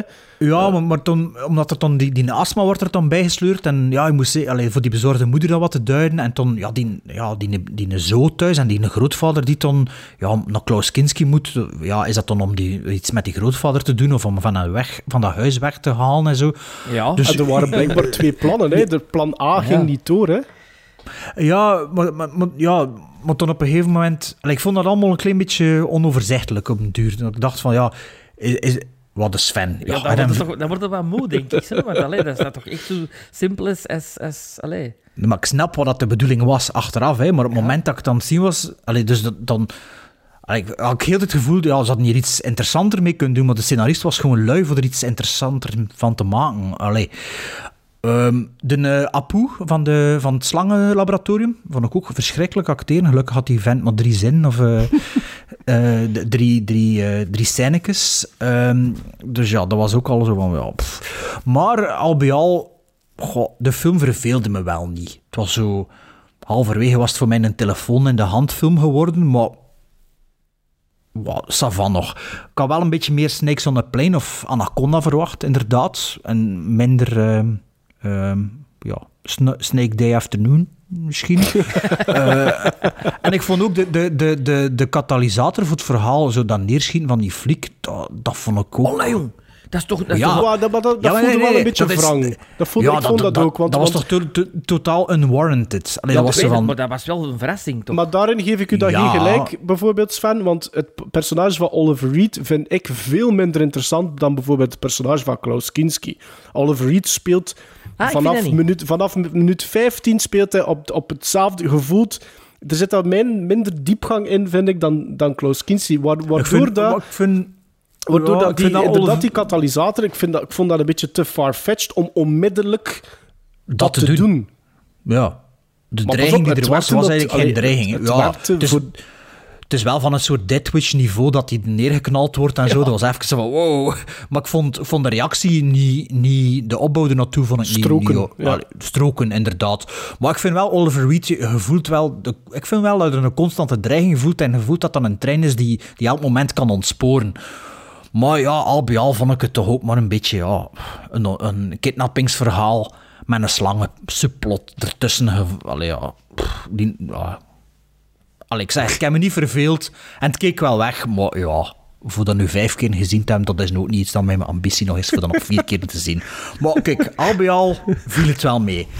Het staat natuurlijk in dat boek van Jan, dus ik ben benieuwd waarom dat het in dat boek staat, want dat heb ik nu bewust niet gelezen, dat ik wist dat het erover gingen hebben. Dus, eh, Ah, het, staat in het, wat- het staat in het boek, in het hoofdstuk De beesten zijn los, de beesten zijn los, omdat het inderdaad een, een kruising is, zoals Bart al zei, het is tussen een creature feature en, en een thriller. Dus, eh, en, en slangen hebben hun eigen hoofdstuk, terecht trouwens, zeer enge beesten.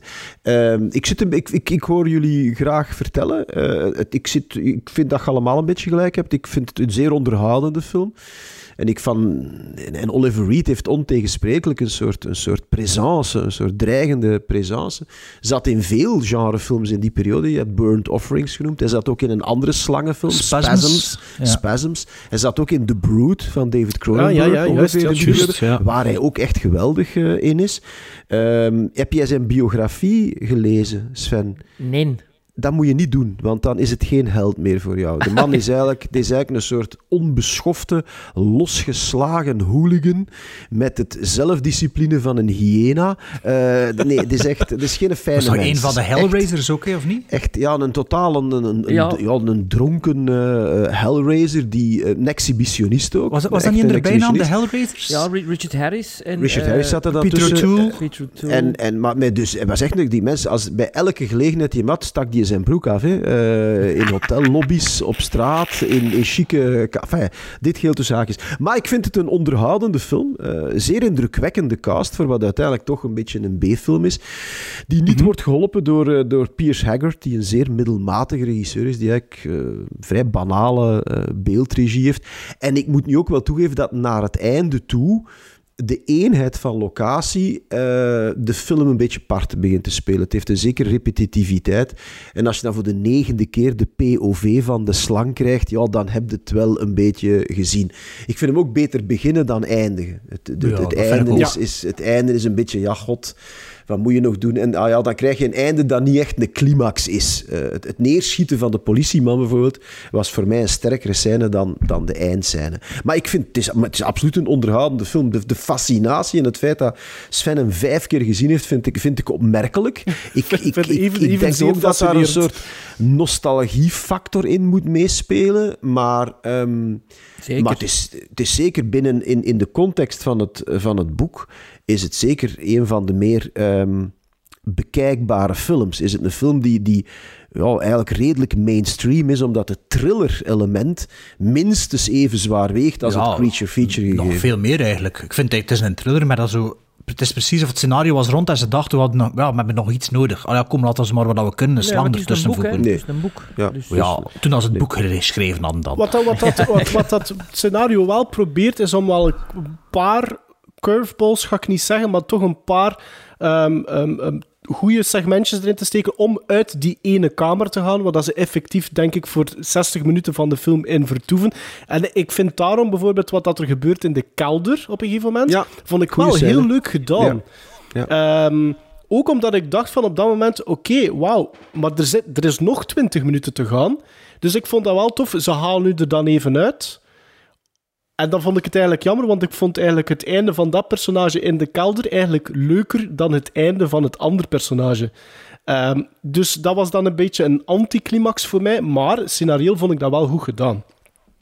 En het, is, en het is, als je naar production value en zo kijkt, het is een film die je nog probleemloos op zaterdagavond op VTM 3 of op 6 zou kunnen vertonen. Ja, klopt. En waar mensen niet van zouden denken, wat schuiven ze hier nu in mijn bak?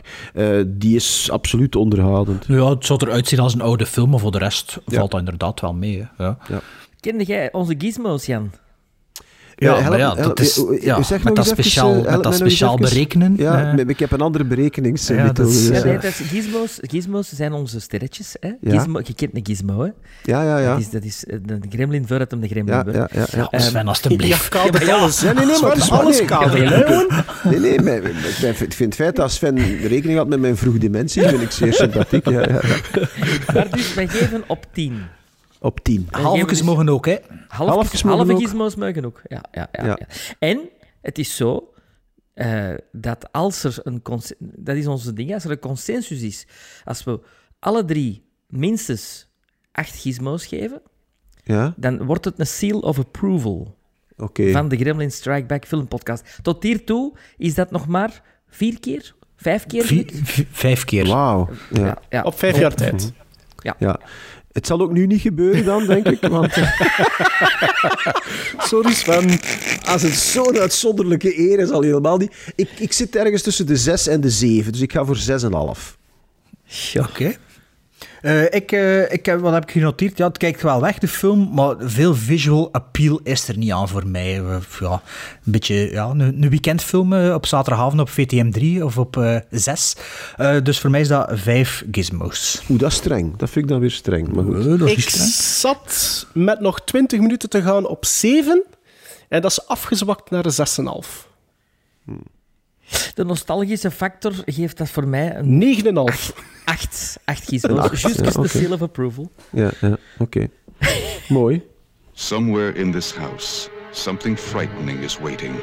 It may be lying in a darkened corner, down this staircase, or behind this door. You'll never see it, you'll never hear it, you'll never feel it, until it's too late. Paramount Pictures presents a total experience in motion picture suspense. Venom, it's waiting for you. We gaan van 1981 gaan twee jaar in het verleden naar 1979. En we gaan nu een film bespreken die 2 uur 36, 2 uur 28, 2 uur en 3, 1 uur 55 of 1 uur 42 minuten duurt, afhankelijk van de versie die je bekijkt. De film in kwestie heet Caligula en die vertelt het relaas van Caligula natuurlijk, die de vierde Caesar wordt van het Romeinse Rijk nadat de vorige Tiberius een ongelukje had. De film toont hoe het decadente Rome enkel nog decadenter wordt en hoe de paranoia van ons hoofdpersonage enkel toeneemt. In de hoofdrollen kleppers als zijn Malcolm McDowell, John Gielgud, Peter O'Toole, John Steiner en Helen Mirren.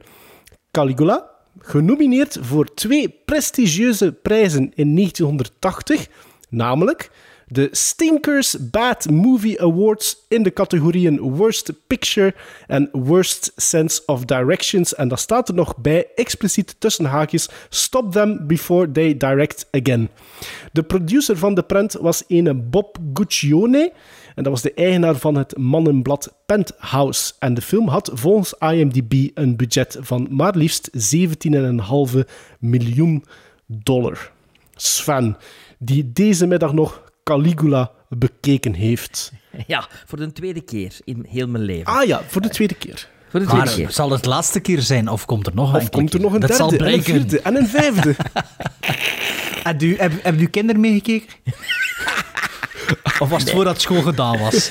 Het was eh, inderdaad, het was een Had dat- namiddag eh, was dat op. Laserdisc ook? Ik, ik, ik, Nee, nee, nee, op DVD. Oh, en, en kun- kunnen de buren meekijken als je naar iets aan het kijken zit? Als ze Nee. passeren of zo? Ik verduister. Nee, oké. Ik verduister. Oh, Zijn de muren dun bij u?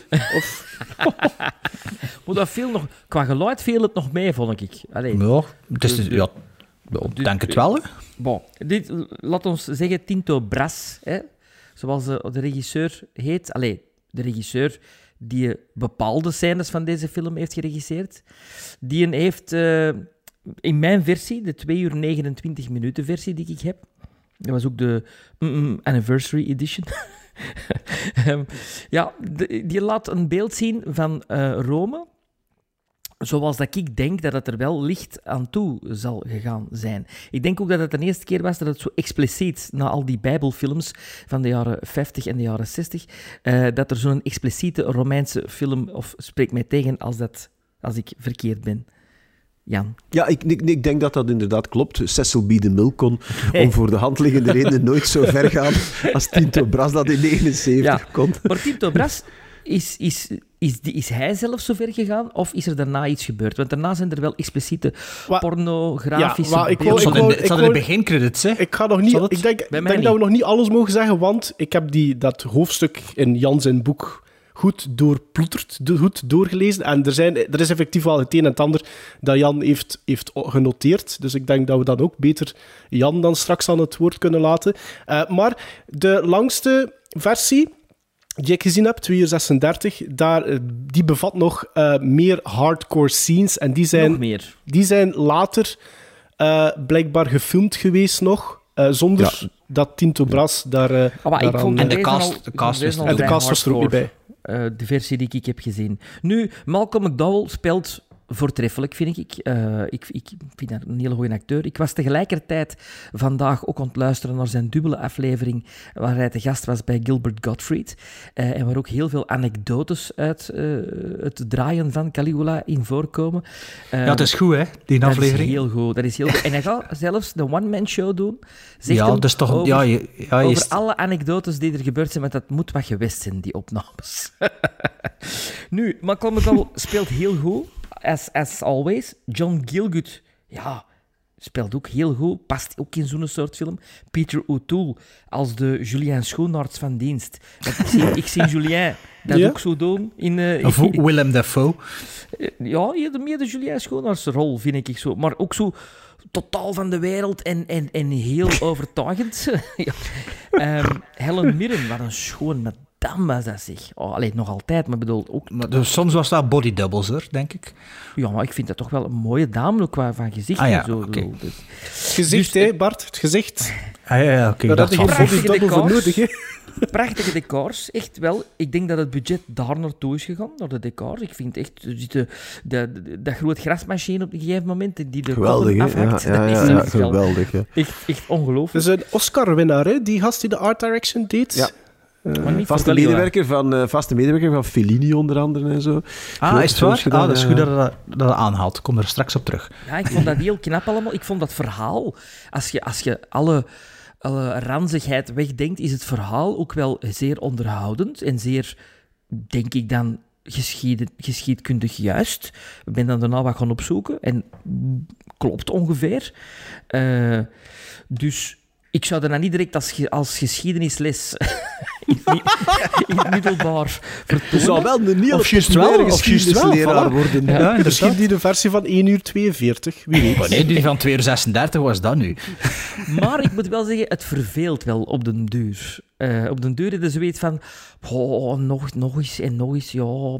en dan met dat paard. En dan, en dan met die bruidegom. En dan, ja... Ik, ik vond het allemaal wat te lang duren. Zo. Ik, ik had het liever gezien in een 92 minuten versie, gelijk Venom. Ehm, maar ja... Ik had vijf- slangen in beeld, hè. Ik, ik, had geen vijf keer zien, deze film. Nee, maar we zitten al op twee keer, hè? Of niet? Ja, omdat het moest nu, hè. Ah ja, omdat het moest, ja. Ehm, ja, Caligula had ik nog nooit gezien. Eh, ik had die vorig jaar op de Rommelmarkt gekocht, omdat ik dacht, ah, dat is die film dat ik ken uit het boek 100 eh, of 1001 films die je moet zien voor je... eh, voor Sterft. je sterft zeker of zo, ja, of voor je doodvalt. Ehm, maar wat bleek, dat is, dat is eigenlijk Fellini's Satiricon. dat, dat, dat er dat boek staat. Maar eh, ik, snap waarom dat ik gemist was, want de foto's die erbij staan in het boek zouden wel ook in eh, Caligula kunnen... Allee, de, de stils zouden er ook wel kunnen ingepasseren. En dat is echt van de decors van de bouwer van Fellini. Ik heb ooit wel Satiricon beginnen zien, maar ik heb dat afgezet na een kwartier om begrijpelijke reden. Maar dat zag er ook wel een beetje zo uit. Dus, dus het was even weer zo bij mij van, ah ja, dat is die film niet. Ah nee, dat is wel die film. Maar dus ja, Caligula... Ik wist nu, voordat ik eraan begon, het is dat. Dus eh, het was ook duidelijk, vanaf dat ik een dvd instak, zag ik al eh, voor het keuzeminuutje een harige preut. Dat was echt... eh, ik weet niet of dat bij er ook zo was, in de Nee. keuzemenu. Nee. Bij mij was echt zo'n foef. Een foef en dan extra's, play, play movie en, ehm, en wat is dat dan, setup. En ik zei, ah ja, oké, ja, dat is juist, dat is, dat is die film. Want daar had ik ook niet bij stilgestaan, dat dat redelijk expliciet was, totdat ik eigenlijk twee weken geleden, of vorige week, die een Malcolm McDowell aflevering gehoord heb eh, van de Gilbert Gottfried podcast, waarbij dat hij dus inderdaad allerhande verhalen van, van En de nu set volgt van er een Caligula... anekdote van het feit dat je nog maar juist verhuisd bent en dat je gordijnen open waren. Nee, maar het was wel... Ja, bij, mij hier, als je in de zetel zit... Ik ken een voortuin, maar als er iemand een pakje moet komen aan, aan moet hij wel voor bij mijn venster passeren. En ik zie die ook niet komen. Dus ik was wel al heel tijd aan het pijzen van... Ja, het is toch dat er nu niemand een pakje moet brengen en zo ziet wat er op de tv speelt. Want ik heb, ik heb ook de uncut version gezien. Staat er op de cover, op de kaft. Maar ik weet nu ook niet... niet of dat die 2 uur 36 was, of wat was het ander, 2 uur 24? Of, eh, 28. Ja, het scheelt, scheelt Ja. effectief maar 8 minuutjes. maar ik denk dat dat de full, de full cut cut was. Dus, ehm, dus die, die, die ik gezien heb. Van wie dat die montage dan gebeurd is, dat, dat weet ook geen mens. Want ja, Jan zal er misschien wel nog op terugkomen op de geschiedenis van, de, van, van deze film. Eh, de film begint goed, want eh, ja, gezien natuurlijk, eh, het is Tinto Brass. De eerste shot is een bloot gat. Ehm, het is een Malcolm McDowell en, eh, en een deerne eh, die naakt zijn. Wat me in de eerste scène al opvalt, is dat er een kaakslag uitgedeeld wordt met een gat, met een bloot gat. Dus ik weet niet of dat is u dat opgevallen, dat eh, Malcolm McDowell draait zich om en slaat eigenlijk tegen de vrouw haar hoofd met zijn gat.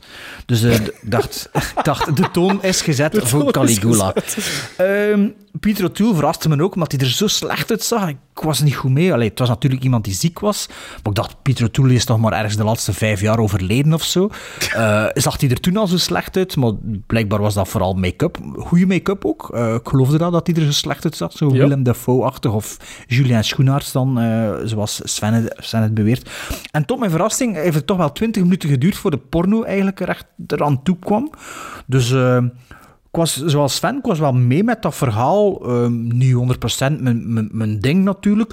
Maar ja, ik dacht, ja, dat verhaal, zo- ja, zo'n zo'n sadistische, sadistische Romeinse keizer, dat kan wel zo geweest zijn. Dat moet ook enorm vervelend geweest zijn voor, ja, voor in het hof van zo iemand te zitten. Hè. Dus, Beetje allee, Trump, beetje Trump. Trump, hè. Voilà, ja, ik denk dat dat... dat ja, dat dat... Ja, dat ik, ik weet het niet, want mijn vriendin was half aan het meekijken, al- half iets anders aan het doen. Allee, met, haar- met, met, haar telefoon of zo.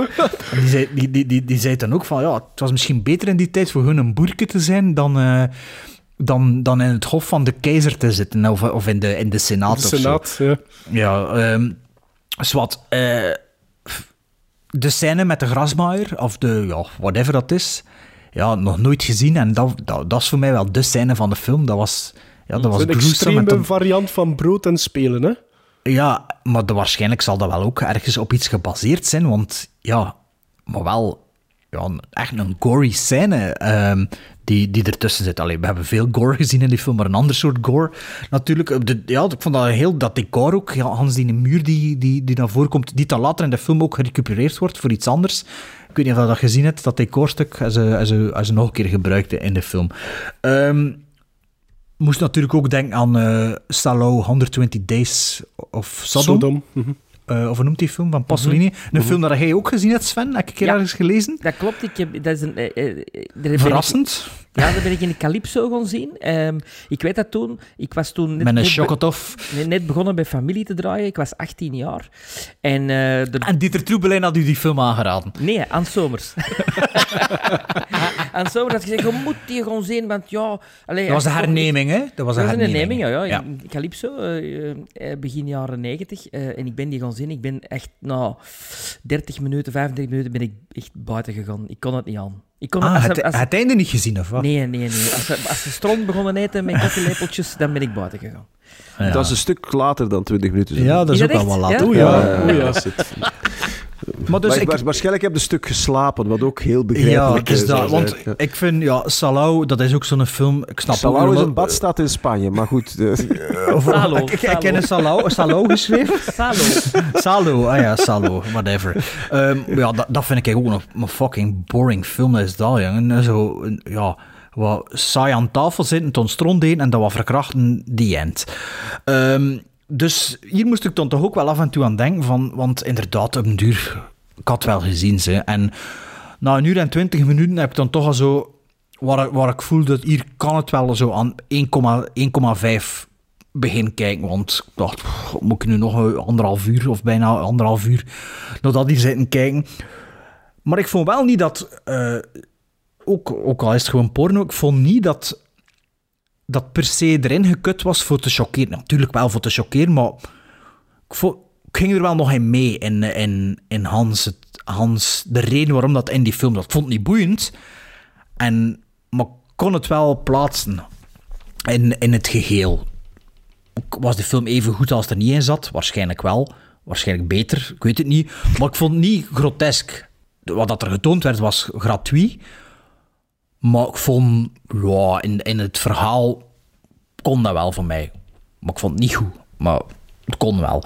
Ehm, en op den duur had ik, ja, dacht ik ook eens van, ja, is dat nu eigenlijk een film dat je moet gezien hebben? Goh, eigenlijk niet, hè. Allee, ik vind nu voor de luisteraars, had je dat nu gezien hebt of niet, pff, had er toch niet veel meer waarde uit dan in je leven, denk ik dan. Tenzij dat ik het echt heel gans verkeerd voor of niet arthouse genoeg ben, Nee, ik maar je kunt eigenlijk zien, vind ik zo...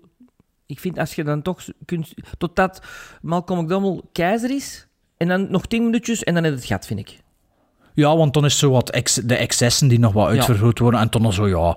Hè, dat Peter O'Toole De en, en, en, ja, en Peter, Gilgut, ja. die passeren de revue, dat vind ik wel, dat vind ik wel ja, maar te Toel is weg na 40 minuten, toch? Ah, wel. En dan is er nog... Goh, en dan is, wordt hem keizer en dan pak dat je nu Maar een ja. moet zien. Zo.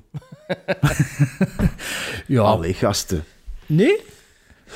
Maar, Ik en wat wacht ik geduldig, wacht wacht, geduldig mijn beurt af. Ja, maar ik, ik, wil, ik, wil nog één, ik wil nog één iets zeggen. Wacht, hè, waar heb ik het hier genoteerd?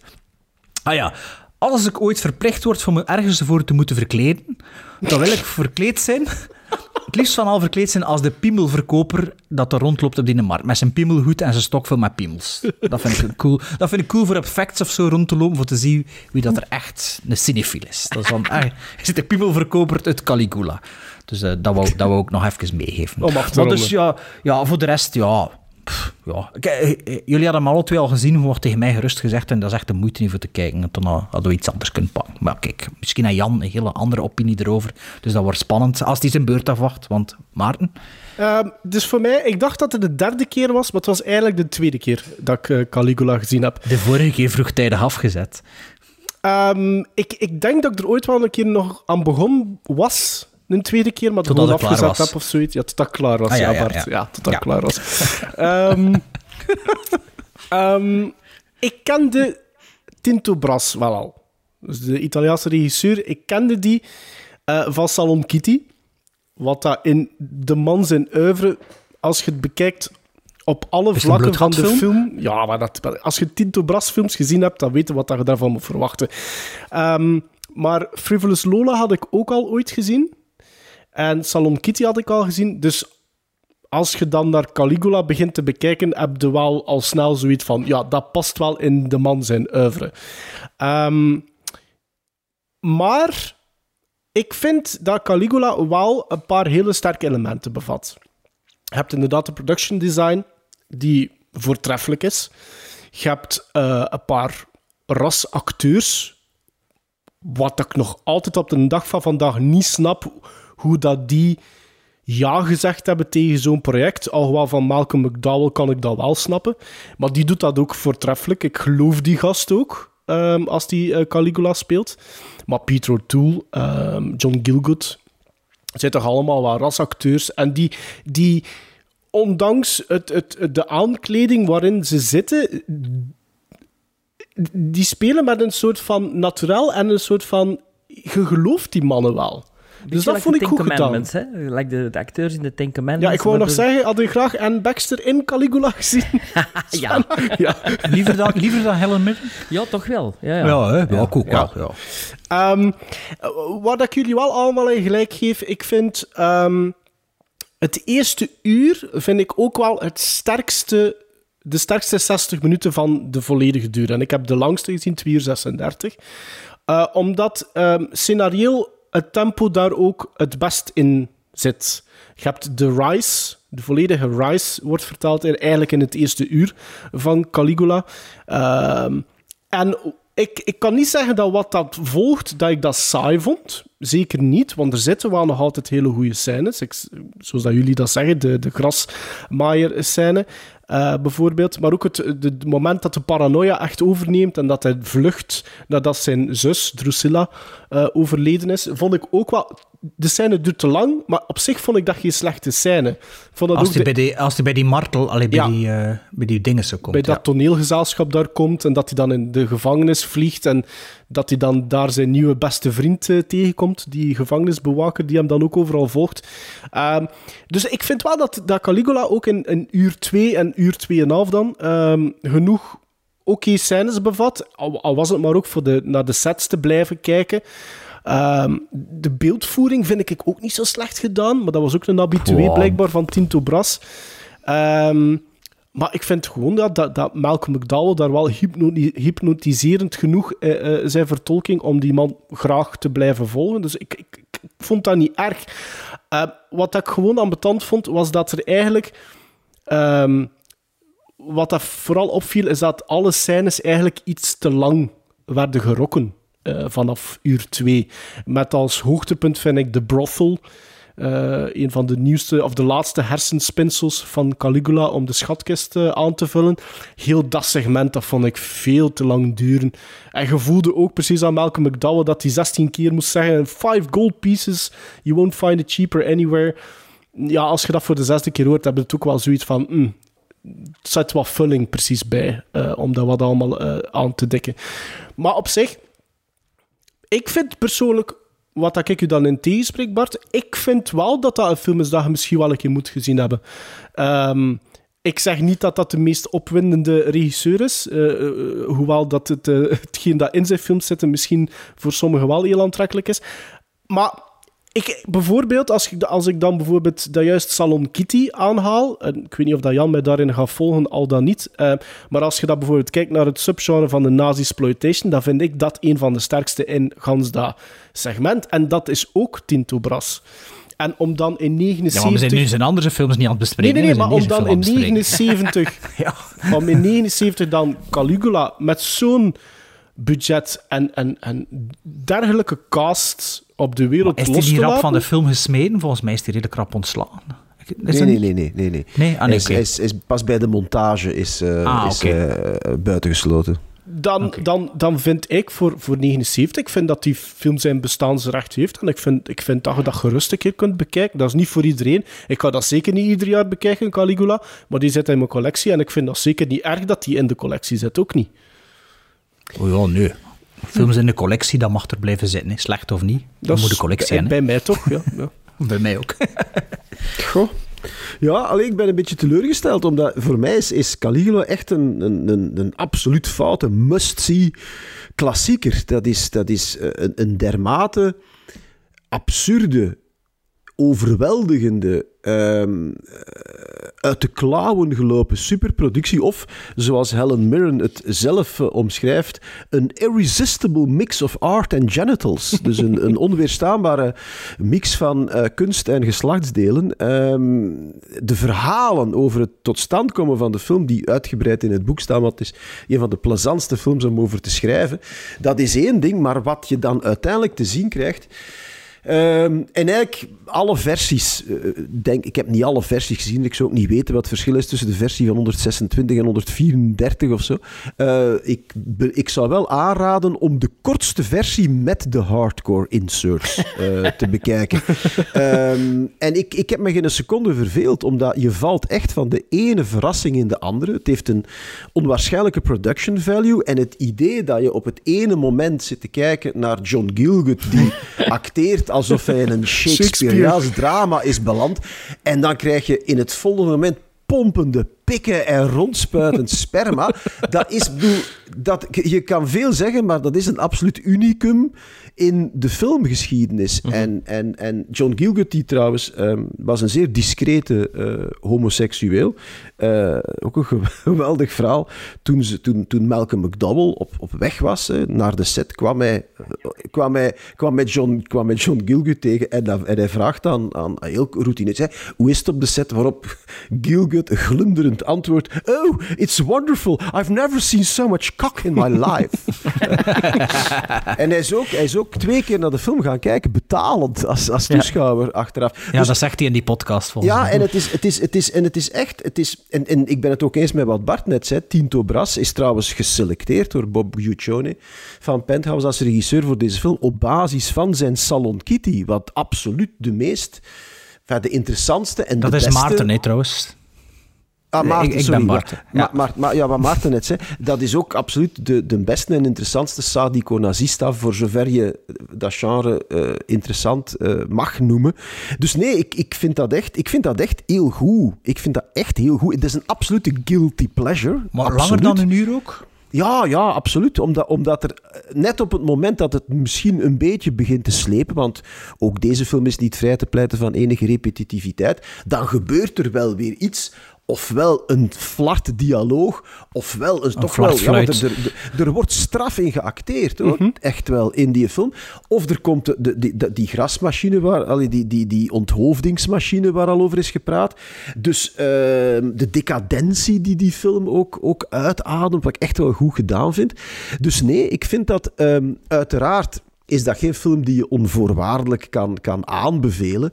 Maar als, als foute must-see-klassieker is dat een van de, de absolute aanraders in, eh, in, eh, in mijn boek. Eh, in der tijd trouwens, in 79. Een, een, een sensationeel succes. Een beetje ook overal. Maar in heel veel landen door de censuur ehm, verminkt. Vandaar dat er nu ook zoveel verschillende versies in omloop zijn. Malcolm McDowell zelf wou eigenlijk jaren niks met die film te maken hebben. Ja, hij, zei, hij, hij zei, ja, hij zei, hij zei achteraf, dat vond ik er dan een beetje over, van, eh, dat hij zich voelde zoals een vrouw die verkracht was toen hij de film voor het eerst zag. Ja, dat is een beetje bij de haren getrokken, hè? Ja, dus ik, ik bedoel, maar goed, Malcolm McDowell zal is ook Ik niet heb, het, vrij ik heb het ook, ik heb dat, die anekdote ook gelezen, maar dat was dan omdat hij gechoqueerd was door die hardcore scenes die er de, blijkbaar Ja, ja. zijn aan Maar toegevoegd. de, de, Maar ik- de acteurs wisten dat niet, hè, dat Ja, dat oké, gebeurd maar was. ik heb zoiets, als je op die set hebt een beetje rondgelopen, dan moet je nu toch ook niet verontwaardigd zijn van die paar hardcore... Allee, Ja. ze- het gaat geen... Wat dat er allemaal te zien was in die film... Nee, er is een verschil. Nee, dat is niet waar, hè, Maarten. Er Ja, is een verschil tussen, tussen mensen die in, in doorschijnende kledij of zelfs volledig naakt, maar als een soort kunstwerken gedrapeerd op een hele chique set zitten. Akkoord, akkoord. En wat achteraf erbij gedraaid is door, die, door Bob Guccione. Ja, niet iedereen Eh, en weet dat zijn dat hardcore Nee, inserts. nee, nee, maar wacht, Ja. maar wacht, wacht, wacht, wacht, wacht. En Ik, die ik, ik acteurs snap, waren daar niet, die waren al thuis op ik, dat ik moment. snap, ik snap ik, de- als je de, de film gezien hebt van, van... Als je de langste versie gezien hebt, dan zie je stukken die... Dat je direct van weet, oké, dat is eruit geknipt. Maar je Ja, kunt me niet zeggen, die dat. eerste Ah, ja, ja, keer, zo, als. Caesar eh, Tiberius nog leeft, Pietro II nog leeft, en hij leidt Malcolm McDowell doorheen zijn paleis, waar toch ook heel veel in te zien is. Die, Ja, maar daar- die- ja, dat, dat is- dat, dat zijn, dat mythische zijn ook figuur, ook mythische figuren, ja, maar wacht, maar zo. hè. wat ik bedoel, de, de inserts dat je daar ziet, die, eh, eh, die gasten zijn dat op dat moment ook al allemaal aan het doen, hè? Dus, dus ja, maar je hebt er niet, moeten niet zo in beeld maken. gebracht, hè. Nee, Er maar dat dat is- er is een verschil tussen de- er is een verschil tussen gesimuleerde seks Voilà. in, in dat soort scènes en de achteraf gedraaide inserts van, ja, effectief, ja, dat is, dat is penetratie, hard- hardcore hè. Maar wat mijn penetratie. punt is, ik vind, vind, het een beetje te makkelijk om heel verontwaardigd te reageren achteraf. Ah, dat vind ik totaal niet. Want als je, als je ja, meedoet als zijn een serieuze film, als acteur, en you sign up for that, ja, dan zit er niet in de veronderstelling dat er gaat naar de kijker toe geïnsinueerd worden, ja, dat jij dat aan het doen zit, hè. Of, Ah ja, want je allee, speelt tenslotte mee in een X-rated film, zonder dat je Ja, dat. Voilà, Ja. dat vind ik Ja. ook wel. Maar dat was, dat was mijn volgende vraag aan Jan. En ik weet niet of dat, of dat tijdens uw opzoekingswerk dat je daar iets van gevonden hebt. Maar bedoel, Tinto Brass had Salon Kitty drie jaar daarvoor al gemaakt. En hij had al wat films op zijn palmarès. Dus qua ehm, established als zijnde het soort regisseur en het soort films dat de man maakt, dat was er al. Hè? Dat kan ik mij toch voorstellen. Maar die kleppers, wat heeft er een... Was dat puur financieel dat die Oh, nee, maar- toegezegd hebben? nee, het, het, het rare is, Tinto Brass had op dat moment de reputatie van een, van een Europese, Arthouse wat regisseur. eigenzinnige art, enfin, arthouse-regisseur. Die werd redelijk au serieus genomen. Je had in die periode een aantal gasten... En ik ben- Pasolini ik ben, ook eigenlijk, hè? Ik ben, ik, ja, dat is nog, weer nog iets anders. Eh, nee, maar dat wordt ook zo maar- aanzien, hè? Of gaat zo, gaat zo ook een, een, een ondraaglijke Pool, Valerian Borovchik, die ook zo van die vreselijke films heeft gedraaid met, met heel veel bloot en of eh, expliciet geweld, die ook zo... even- Dat is de, uiteindelijk Abel Ferrara is Ja. ook zo'n Ja, figuur. dat is waar. Ja. Dat- waarvan je je afvraagt, later, waarom, waarom allee, wat, wat, wat hebben een aantal critici of festivaldirecteuren daar in godsvredesnaam in gezien? Maar Tinto Brass was op dat moment, dat was een gerespecteerde auteur zelfs. Na Salon dat- Kitty zelfs? Ja, ja, ja, ja, ja absoluut. Dus, en eh, er zal ook natuurlijk een behoorlijke financiële vergoeding tegenover gestaan hebben. En vergeet niet dat ook een paar jaar daarvoor ehm, er de geweldige eh, tv-serie I, Claudius was met Derek Jacobi, die dus heel die, die periode uit het Romeinse Rijk terug op de voorgrond had, had gezet. Dus ik denk dat McDowell en Gilgood en co. ervan overtuigd waren dat ze eerder in een soort I, Claudius zouden belanden, dan wel in, in, in, in iets hardcore-achtig. Denk Wa- wa- ik, ik was er niet bij. Was de producent ook geen ge- gevestigde naam? Nee, de, de producent, die een Bob Guiccioni was, de uitgever van, van Penthouse. Die zijn, Ja, ja, die zijn, ja, ja, die zijn, die zijn imperium wou, wou verruimen en die vond van wij moeten ook in de filmbusiness gaan. En wat beter dan het verhaal van Caligula om daarmee te beginnen. Het was natuurlijk ook geschreven door Gore Vidal, dat destijds Ah, ook een wel chique naam. een, een naam was die wel... Ja. Allee, de, de, de- dat was een, een, schrijver die natuurlijk ook wel allee, de nodige star power tot zich kon trekken, waarschijnlijk. Hè. Bullet, allee, dus dat was echt... Dus, ik, dat, dus dat had echt wel de aura van een, van een, serieuze, van een serieuze productie. En 17,5 miljoen dollar in 1979, dat is 100 miljoen nu, hè. Dus dat was echt een big penthouse, is daar bijna aan failliet gegaan, aan, aan die film. Ja, ik denk, denk dat Penthouse nu ook, ik denk dat ik dat gelezen heb, dat Penthouse ook bezig is met het restaureren van de Ja. film en hem terug in ere te herstellen. Was het in Ja. het boek dat ik het gezien gelezen heb? Of heb Ja, het is, in, ergens het is anders? in mijn boek. En, en ook, want er is dus, ze hebben nu een nieuwe een, een CEO, een vrouwelijke CEO. En die, die liet dan ook optekenen van, eh, ja, dat dat heel belangrijk was, dat die film ehm, nu eh, in zijn... eh, eh, dat, dat de visie van de regisseur, dat die nu ging hersteld worden. Want zo motiveerde ze haar beslissing. It's as if Leonardo da Vinci wasn't allowed to finish the Mona Lisa. Terwijl dat we allemaal Allee. weten dat de Mona Lisa van wie is, Sven? Leonardo DiCaprio, uiteraard. Eh, maar goed, dit, dit, eh, dit geheel is haakjes. Maar dus Steve Nee, Dobras nee, heeft dus- nooit een volledige cut van de film zelf kunnen maken. Nee. Nooit. Nee, Niks. nee, nee, Oké. nee, nee. maar, en is met ook de geen- explicit scène is ook niet gedraaid. Dat was Nee, een, nee, dat een was- gerenommeerde Dat was, maar dat, was, hè? dat was die een Bob Dat was die Guccione Bob zelf, die ja. dat Ah, ja, dat was hem zelf. Ja, ja. Dus, dus in, die zin, in die zin is dat ook, ja, er zijn, vandaar ook dat er al die, die versies zijn en zo. Maar nogmaals, ik meen dat. ehm, ik ben bereid om, om jullie te volgen als je zegt dat het misschien hier en daar wat sleept. Maar dan nog, in die scènes heeft het een soort fascinerende grandeur. ehm, die ik toch redelijk onweerstaanbaar eh, vond. Dus eh, als, we, als we Gremlins, zal ik al beginnen met Gremlins uit te delen? Gizmos, gizmos. Gizmos, sorry, gizmos, dan zal ik direct hier eh, provoceren met een 8. Oh, dus er zit nog een seal of approval in, hè? Het kan nog Maarten was, ook, Maarten was ook laaiend enthousiast. Voor zijn tweede Hoeveelste keer was dat hem gezien had, Jan, de laatste keer? Weet het nog? Ehm, het is ook nog maar de tweede of de derde keer. Oké. Dus ik heb hem minder tijd in de bioscoop gezien. En ik ben, ik zou niet, ik, misschien dat ik hem dan nog eens bij een reprise of zo heb gezien. Ik heb ook de soundtrack gekocht. Het heeft ook nog echt een goede soundtrack. Ja, Ja, dat openings- muziek in Dat is Spartacus. Ah, Ja, ja, maar het is ik, niet- ik het is- herkende het is- dat het is openingsnummer. klassieke- Het is Ja. klassieke muziek, hè. Er zit heel Voilà. weinig originele muziek Ja. in, maar het is zeer goed gebruikte Ja, klassieke ja, dat muziek. heb ik ook genoteerd. De En dat openingstrek was zo'n dat was prachtige dubbel, dat was zo'n prachtige dubbel eh, LP en zo. Ook heel chic uitgegeven. Enfin, en dan heb ik hem dus nu voor het boek teruggezien en tot mijn grote tevredenheid. Oké. Nou, acht gizmos. Alleen Maarten dan. Kom. Ja, ik, ik, ik, ik deel Jan zijn mening, want ik, ik heb het ook een beetje proberen te verkopen, hè, in tegenstelling tot Bart. Ik vind wel dat dat iets is dat, dat, dat je- ik vind dat je gerust kunt zien. Ik geef het wel, ik geef het wel geen 8.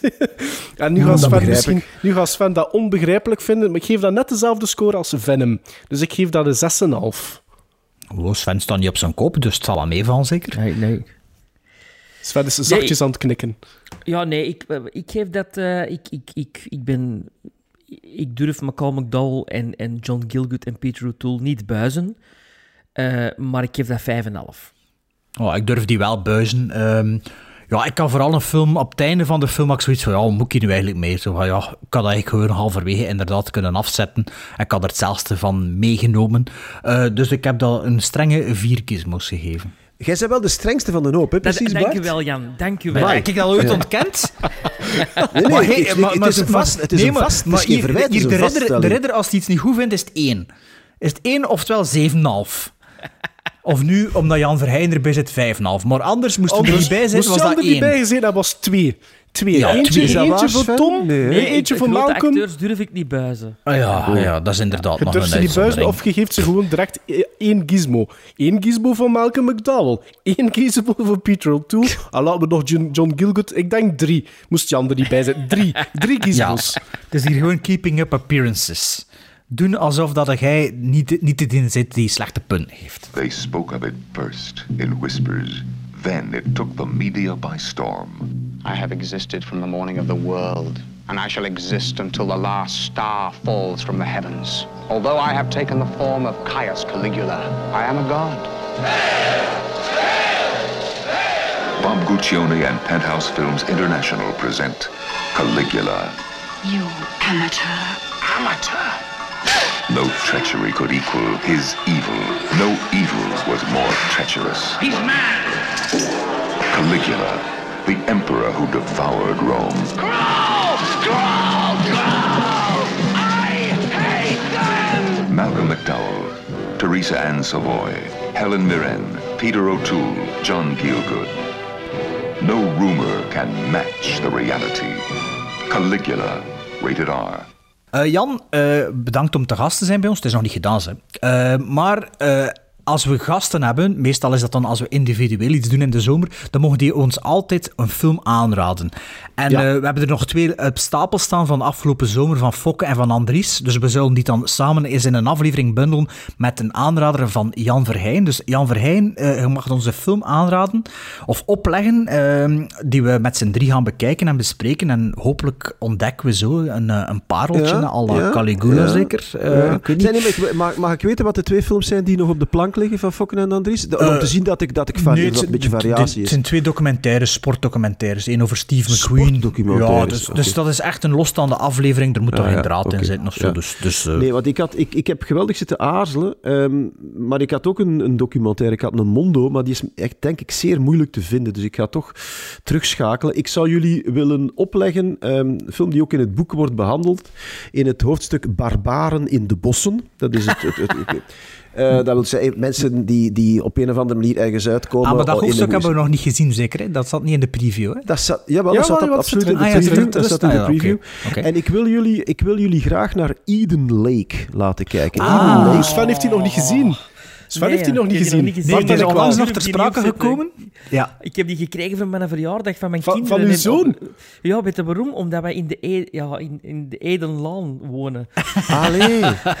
Nee, dat is een goede Eh, keuze, Jan. Want Maarten en ik hebben die al gezien en we vinden die alle Ah. twee wel goed, als ik me niet vergis. Ja, ja. maar, Maar maar, ik vind dat- ik- maar Baksteen allee, komt nogal zwaar binnen.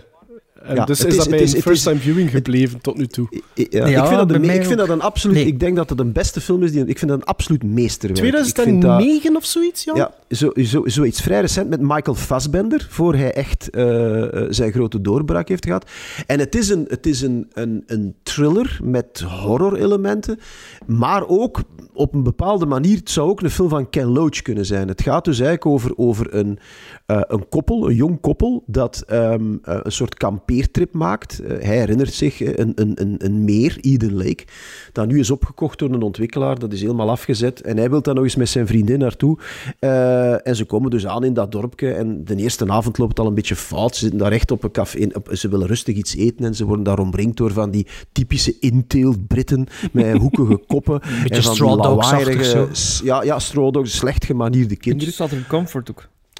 Ja, noem maar op, al dat soort, dat soort dingen. zoiets, ja. en, dan, en dan krijgt hij dus de volgende dag aan dat meer, eh, aan de stok, met zo'n groep eh, jongeren. En dat loopt op een verschrikkelijke manier eh, compleet uit eh, de klauwen. En de film is inderdaad, is, het, is, het is zeer hard. Zo'n sucker doordat het- Echt iets voor Sven. ja, doordat het, en doordat het, maar doordat het ook zo goed gespeeld is. En het blijft maar duren. zo goed gedaan. Ja, en, het is en, relentless. Ja, ik, en het is echt relentless tot in de laatste minuut. En ik moet zeggen, ik was daar niet goed. Dat is een van de weinige films waar ik achteraf zo even Ja. ja. een luchtje moest gaan Ja, scheppen. ja. Dus het is, het is zeer, zeer hard. Maar het is ook zeer, zeer goed.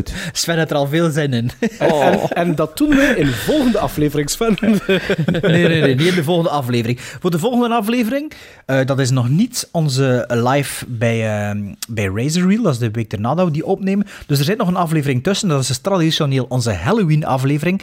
En wat wil het nu? Onlangs had Sven, denk ik, een Blu-ray gekocht van een regisseur, een recente eh, nieuwe film. En eh, we waren er onderling over bezig op WhatsApp. Ehm, en ik zei van ja, ik heb eigenlijk nog geen enkele van die regisseurs zijn films gezien, behalve een, een film die er een klein beetje... Nee, ik heb die ook niet gezien. Ik heb die ook niet gezien. Eh wat hij eigenlijk een klein beetje mee te maken had en daarna afgezwierd gezwierd is. Ehm, het is eh, een film van vorig jaar dat we dus gaan bekijken. En de andere twee films van de regisseur die hij gedaan heeft, was een kleine twintig jaar ervoor. Dus we gaan eh, het oeuvre alle drie voor de eerste keer bekijken, want Maarten heeft er ook nog geen één van gezien. Van Richard Stanley. Dus we gaan voor deze Halloween gaan we Hardware bekijken. Dust Devil en The Color Out of Space. En eh, we zullen zien wat we ervan vinden. Wat Jan Verheyen ervan vindt, is al duidelijk. Ja, ah, nee, nee, dat. nee, zal zeker luisteren. Het is, het is, eh, ik, ik, ik, nee, nee, nee, ik kan niks zeggen. Ik Kan niet, nee, ik kan niks zeggen. Nee, die, nee, color- nee. Die, die, die laatste die, die vond ik interessant. Met Nicolas Cage eh, in, in weer een manische vertolking. Dus dat had zeker iets. De, de, die, die was de color, de Color Out of Space. het? Out of Space. Color ja, de Color. Out of Space. Maar die, die Dust Devil, dat vond ik toch eh, vrij vermoeiend. Heel, heel stoffig. Dust Devil. Ehm, eh, en hardware, Hardware. daar herinner ik mij heel weinig van. Maar bon, dit, succes daarmee in ieder geval. Ja, dus dat wordt onze, onze Halloween-aflevering.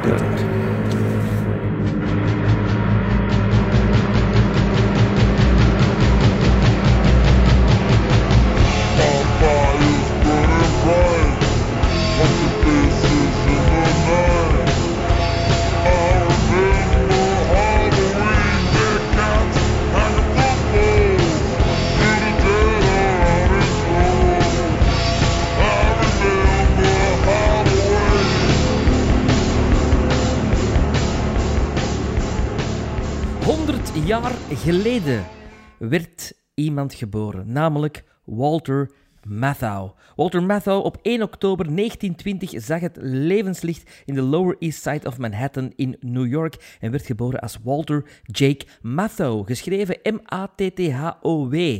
Maar nam dan later als uh, artiestennaam M-A-T-T-H-A-U aan als achternaam. Zijn moeder was een immigrante uit Litouwen. Zijn vader was een Joods-Russische elektricien uit Oekraïne.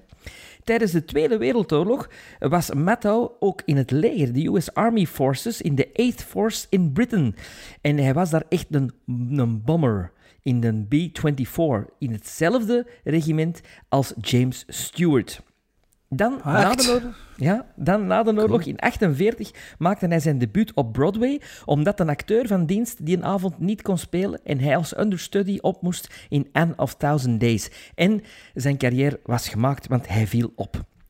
Hij maakte de ene film na de andere, startte eigenlijk in een soort eh, gangsterfilms als, als bad guy, want hij had ook een imposante, lange figuur. Eh, ging dan naar musicals, eh, Elvis Presley, King Creole, eh, Barbara Streisand, Hello Dolly, om dan uiteindelijk toch een van de grootste Amerikaanse filmcomieken te worden die het witte scherm rijk is geweest.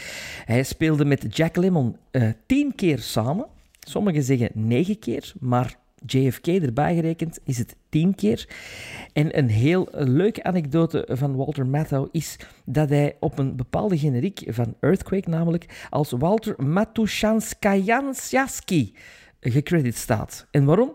Wel, Walter Matthau wou niet meespelen in een rampenfilm, omdat iedereen dat deed, maar hij was goed bevriend met de schrijver en hij zei, oké, ik wil één cameo appearance doen on the bar in Earthquake.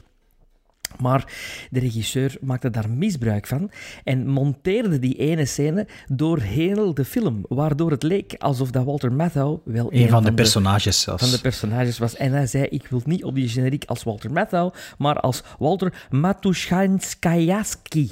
En heel veel mensen dachten dat dat dus zijn echte naam was. Maar niets is minder waar. En nu, omdat die mens 100 jaar zou geworden zijn... Is, is dood, hè, ondertussen. Ja, ja, uiteraard. Maar hij zou, hij zou dus 100 jaar geworden zijn. En omdat we er allemaal zo een grote liefde voor hebben, gaan we toch elks een top 3 van Walter Matthau hier te berden geven. Walter Matthau films. Of prestaties, het lijkt me hoe dat het geïnterpreteerd hebt. Ah, ik heb het geïnterpreteerd als prestaties. Oké, ja, dat kan, hè. Dat mag. Dat maakt allemaal niet uit. Want anders zou JFK sowieso nummer 1 staan. Bij mij. Ja, oké, maar je kunt dat ook een klein beetje mee... Allee, dat- je kunt er ook een beetje mee spelen, hè, met je top 3. Dat moet niet altijd 100% waarheidsgetrouw zijn, hè, Sven? Ah, bij mij Nou, is dat zo waar. Oh, 120 afleveringen, alle waarheidsgetrouw. Absoluut, Bert. Absoluut. En eh, eh, onze speciale gast, mag ik beginnen, hè? Ja, dus eh, ik mag beginnen bij nummer, de film die op nummer 3 staat. Ja, ja, ik, drie ik, heb naar een beetje, ik, ik dacht, iedereen kent Walter Matthau van die films met Jack Lemmon, dus die, die ik ook geweldig vind, maar die heb ik vermeden. Dus ik Ah, heb kijk, dus je drie... hebt eigenlijk een klein beetje naar uw hand gezet. Ik heb ze Sven, een beetje aan hoorde mijn hand gezet. Ik heb, drie, ik heb drie films gekozen. Ik heb drie uitstekende films gekozen. Maar allemaal met Walter Matthau in een ja, toch, toch eerder serieuze rol. En op drie staat Charlie Varick. En Charlie Varick is een film uit 1973 van een van de meest onderschatte Amerikaanse regisseurs. Eh, Lee Thompson. Don Siegel. Ah, Don, Don Siegel. Siegel, ja. Don Siegel, die, die, die met Clint Eastwood een aantal films heeft gemaakt, waaronder Dirty Harry en Escape from Alcatraz, die, met, die de laatste film van John Wayne heeft gemaakt, The Shootist, met Elvis Presley, Flaming Star heeft gemaakt, de originele Invasion of the Body Snatchers, The Killers met Lee Marvin, dus echt een geweldige regisseur van redelijk harde genrefilms. En eh, Charlie Varick is, is het zeer goed vertelde verhaal, beetje een klassiek verhaal, we hebben dat al eerder gezien, we hebben dat sindsdien nog gezien, maar zelden zo goed als in Charlie Varick, van bankovervallers die een overval plegen, maar helaas met het geld van de maffia ervan doorgaan en op hun beurt dan eh, opgejaagd worden. En eh, hij speelt daar de hoofdrol in, Walter Matthau doet dat zeer, zeer goed, is een zeer onderhoudende film. Ik heb hem wel niet recent teruggezien, maar er zijn geen redenen om aan te nemen, aangezien ook die andere films die ik net opnoemde van Don Siegel amper verouderd zijn. Ik heb hem vorige Dat- week gezien. Ah, en? Charlie Varick. Ik vind dat Een heel goede goed. Openingsscène, hè? Ja, amai. En wat dat vooral straf is, ik dacht heel een tijd dat Matto, in, in, mijn, in mijn herinnering, Ja? als ik over die film gehoord had, dat hij een politieman speelde. Maar nee, hij Nee, is, hij hij is een gangster. ja. Dat was, Ja, dat dat was een leuk. andere film dat jaar, hè? Ja. Ja, het was wel leuk om hem te zien in dat Ja. soort rol. Ja, ah, ik ben blij dat hem, dat hem niet gedateerd is dan de film, want ik Nee, heb daar ik- zeer prettige herinneringen aan. Ja, er is er een schone Blu-ray eh, van uitgekomen op Indicator, denk ik. Sven, is het niet op Indicator? Ik heb, ik, Indicator. heb die, ik heb die begin dit jaar ook eh, gezien, die, eh, die film voor het eerst. Ik vond, dat, ik vond dat niet zo... Het tweede deel vond ik minder, als ik me goed herinner. Maar ik vond de eerste helft en de, de openingsscène heel sterk. eh. Dus ik dacht, ik neem de minder bekende Ja, film goed, van Walter goed. Matthau op Goeie nummer drie. Eh, zoals dat Jan dus al zei, Walter Matthau het best gekend van zijn eh, duo-rollen, of zijn eh, films waarin dat hij samen met Jack Lemmon speelde. En in tegenstelling tot Jan heb ik dat bijzonder hard omarmd, dat gegeven voor mijn top 3. want ik heb ook het draaiboek eh, chronologisch voorbereid. En na Venom en Caligula had ik wel zin in iets luchtiger materiaal. En ik vond het dus ook leuk om daaraan terug te denken aan die films. En ik heb op nummer 3 een film uit 97 eh, geplaatst. Misschien zijn laatste keer dat hij samen met Jack Lemmon een film heeft gemaakt. Ben niet helemaal zeker. Eh, een film van Martha Coolidge. Regisseuse van onder andere Rambling Rose en Valley Girl, dacht ik. Ehm, ik heb het over Out to Sea.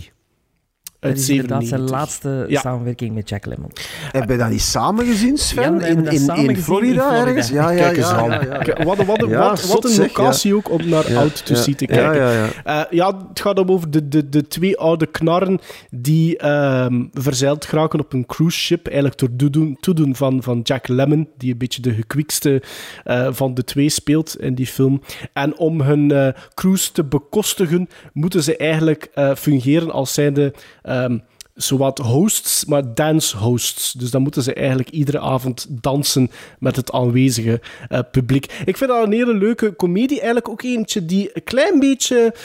Ik kan niet zeggen ondergewaardeerd is, maar als Beetje je denkt... vergeten. Ja, een beetje, vergeten, vergeten. misschien ook wel. Eh, en ik vind ook dat daar een hele leuke ehm, eh, bijrol in zit voor Brent Spiner, die we best kennen als Data uit de Star Trek The Next Generation. Eh, dus daarom op nummer 3, Out to Sea, vond ik een hele leuke komedie. Ik herinner me er eigenlijk vooral van ik, dat ik in die film, maar dat in, in de laatste films van Matthau, ik, heb toen, ik was toen geweldig gefascineerd door die mens, door zijn overvloedig neus- en oorhaar. Die mens had meer neus- en oorhaar dan Cher okselhaar had. Dat is... En ja, ik, eens dat je daar dan, als je oog daar dan opvalt, dan, kun, Ja, dan en zie je niks anders meer. ja, en, en hoe meer Ja. dat er van voor zat in de zaal, hoe beter dat het kon zien, natuurlijk. En je vraagt je dan toch af, zou er dan geen, geen, alleen niemand op die film gezegd hebben op een bepaald moment van moeten we dat eens wieden voor u? De, records, Of- of- de records waren gezet, hè, dus ja, dat ja, nee, maar dat kon alleen voordat ze begonnen. Het zal misschien de reden dit- zijn dat er nog geen, het zal misschien de reden zijn dat er nog ja. geen 4K-transfer van bestaat of zo. Ja, ja, ja. Ja, de, de, de estate, de Walter Matthau estate, eh, stelde een veto. Ja, ja, ja. Ehm, Walter Matthau, 106 IMDb-credits eh, als acteur toch. Ehm, ja, ik was er heel enthousiast ervoor. Ik was daar op spoor gekomen ergens in het voorjaar, denk ik. Ik had toch gezegd, ja, Walter Matthau, die wordt 1 oktober, zo die 100 jaar geworden. We moeten daar eh, ja, toch minstens iets, eh, iets rond doen. Een pakte een top 3 of een top 5 of zo. Ehm, ja, en ik had superveel Walter Matthau films die ik nog moest bekijken. Dus ik dacht, yes, dat wordt het projectje voor dit jaar. Fast forward naar 1 oktober 2020. En eh, we gaan dit hier voorbereiden. En ik eh, pak mijn IMDb erbij. En ik zie er toch nog altijd 15 films van hem op mijn watchlist staan. En eh, ik zei, yes, kom. Eh, het zijn redelijk veel coole films. Ik had vorige week nog Grumpy Old Man voor de eerste keer bekeken. En, Voor de eerste keer. ja, ik had dat nog nooit gezien. Oh, plezant. En ik wil mijn top 3 beginnen maken. En ik kom tot de vaststelling dat ik maar vijf films van hem gezien heb. Eh, ik ben een grote Walter Matthau-fan. Ik weet ook waarom een beetje. Die doen me een beetje aan mijn grootvader denken. Niet, eh, niet van neushaar of, of oorhaar zo. maar mijn grootvader, die, dat was zelfs een kleine, dus Walter Matthau, maar die had zo'n beetje dezelfde groeven in zijn gezicht en ook zo donker haar. En dus ik, met Walter Matthau heb ik altijd mentaal de link met mijn grootvader gelegd. Maar dus ja, ik heb weer een keer mijn, mijn truc dat ik ooit een keer moeten doen heb, eh, moeten aanpassen. Want ja, een top 5, allee, top 3 van 5 films gezien hebben, dat gaat niet. Hè. Dus ik heb me toch gefocust op mijn top 3 films dat ik van Walter Matthau zo snel mogelijk wil zien. Zo heb ik ze, zo heb ik ze dan toch aangehaald. Ehm, op nummer 3 is een film die, ik al, die al redelijk lang op mijn eh, to-watch list staat.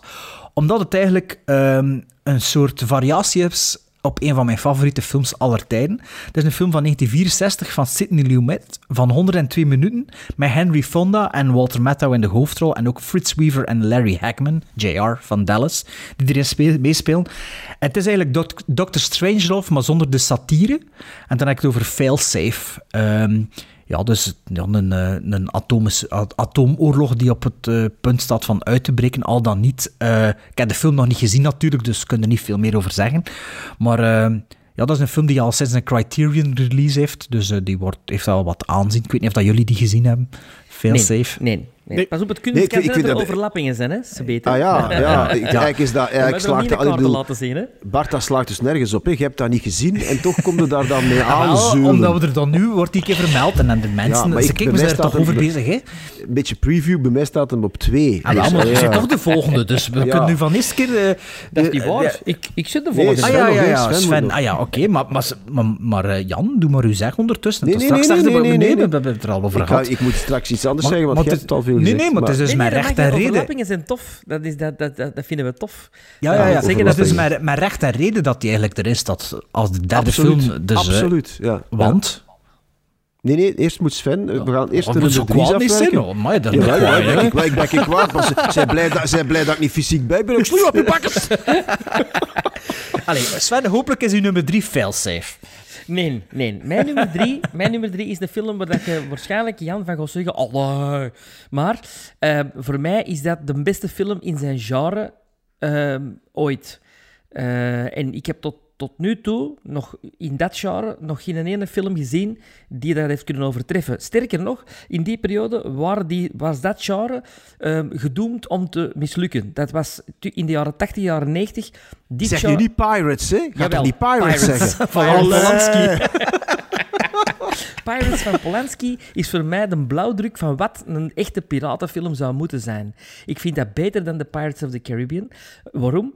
Omdat Walter Matthau voor mij het summum van, Van een piraat is. piraat is. Hij heeft er ook de geweldige, geweldige naam Captain Thomas Bartholomew Red.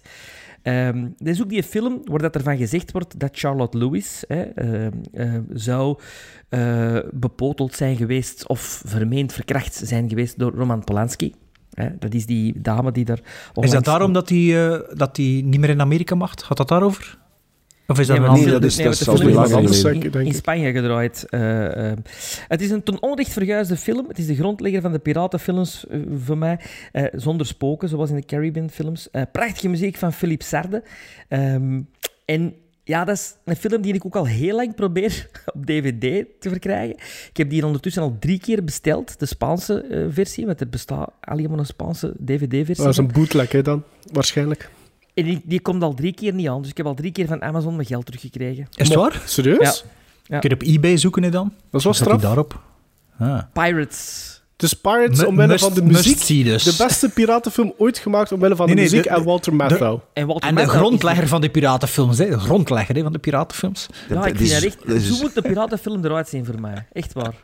En, en, en dingen, Errol Flynn en zo ooit van gehoord? Ja, dat is wel Nooit gezien. Nooit niet gezien. Ja, Niks ja, van Errol allee. Flynn gezien. Nee, niks. De grondlegger had Wat ik hier hoor allemaal. Eh, ja, non, ja. Van, de, is echt- van de nieuwe piratenfilms bedoel ik. Hè? Allee, Ja, van ja. de- grondlegger van is- de nieuwe piratenfilms. Die, die Pirates, dat is dus een van de allergrootste flops, Flops. Ja. Uit, uit de filmgeschiedenis. Hè? Die, en, en niet onterecht, dat sloeg dus echt nergens op, is Sven. Die niet. Allee, ja. Allee, hè. oké, nee, tof. Oké, goed. Want dat schip, tof. ik- volgens mij ligt dat schip trouwens meer, nog altijd... Ligt, is, het- ligt, is het weg? Malta, is het wat? weggesleept? Nee, nee, dat heeft, die, 2002 dat heeft het- jarenlang aan de kade van eh, 16 Kan- in Cannes gelegen. 16 jaar jaar. heeft dat er gelegen. Dus En dat was iedere keer als je... Dat ja. schip was ook heel duur, want dat was een perfect nagemakte kopie Ja, van een Spaanse eh, eh, eh, schip. Of een soort daarna- vloek en niemand wou er eigenlijk dicht bij Nee, dat, komen. dat is daarna nog gebruikt Vliegende in een tv-reeks. In een. Ja. Oké. Ik moet zeggen, het is een verrassende keuze. Dat vind ik wel fijn op zich. Was het niet Independent die die net uitgebracht ook? Nee, nee, nee. Sorry. Allee, ja. Excuseer. Allee, ja. Er zijn grenzen, hè, vriend. Nee, nee, nee. nee. Dat ik dacht dat. Ik, dacht dat. ik heb Nee, dat in de nee, nee, persvisie nee, nee. gezien, in, in elk geval. Ik weet niet wie dat heeft. Ik denk dat dat Elan Metropolitan of zoiets zal geweest zijn. Eh, nee, nee, ik denk niet. Wij in ieder geval niet. Godzijdank, zeg. Want Amai. met de première in Cannes had hem trouwens, wat was de openingsfilm van Cannes dat jaar, had hem trouwens heel de cast op die een boot in kostuum gezet, hè, Polanski. Beetje ja. Inclusief, een inclusief beetje- Mattau.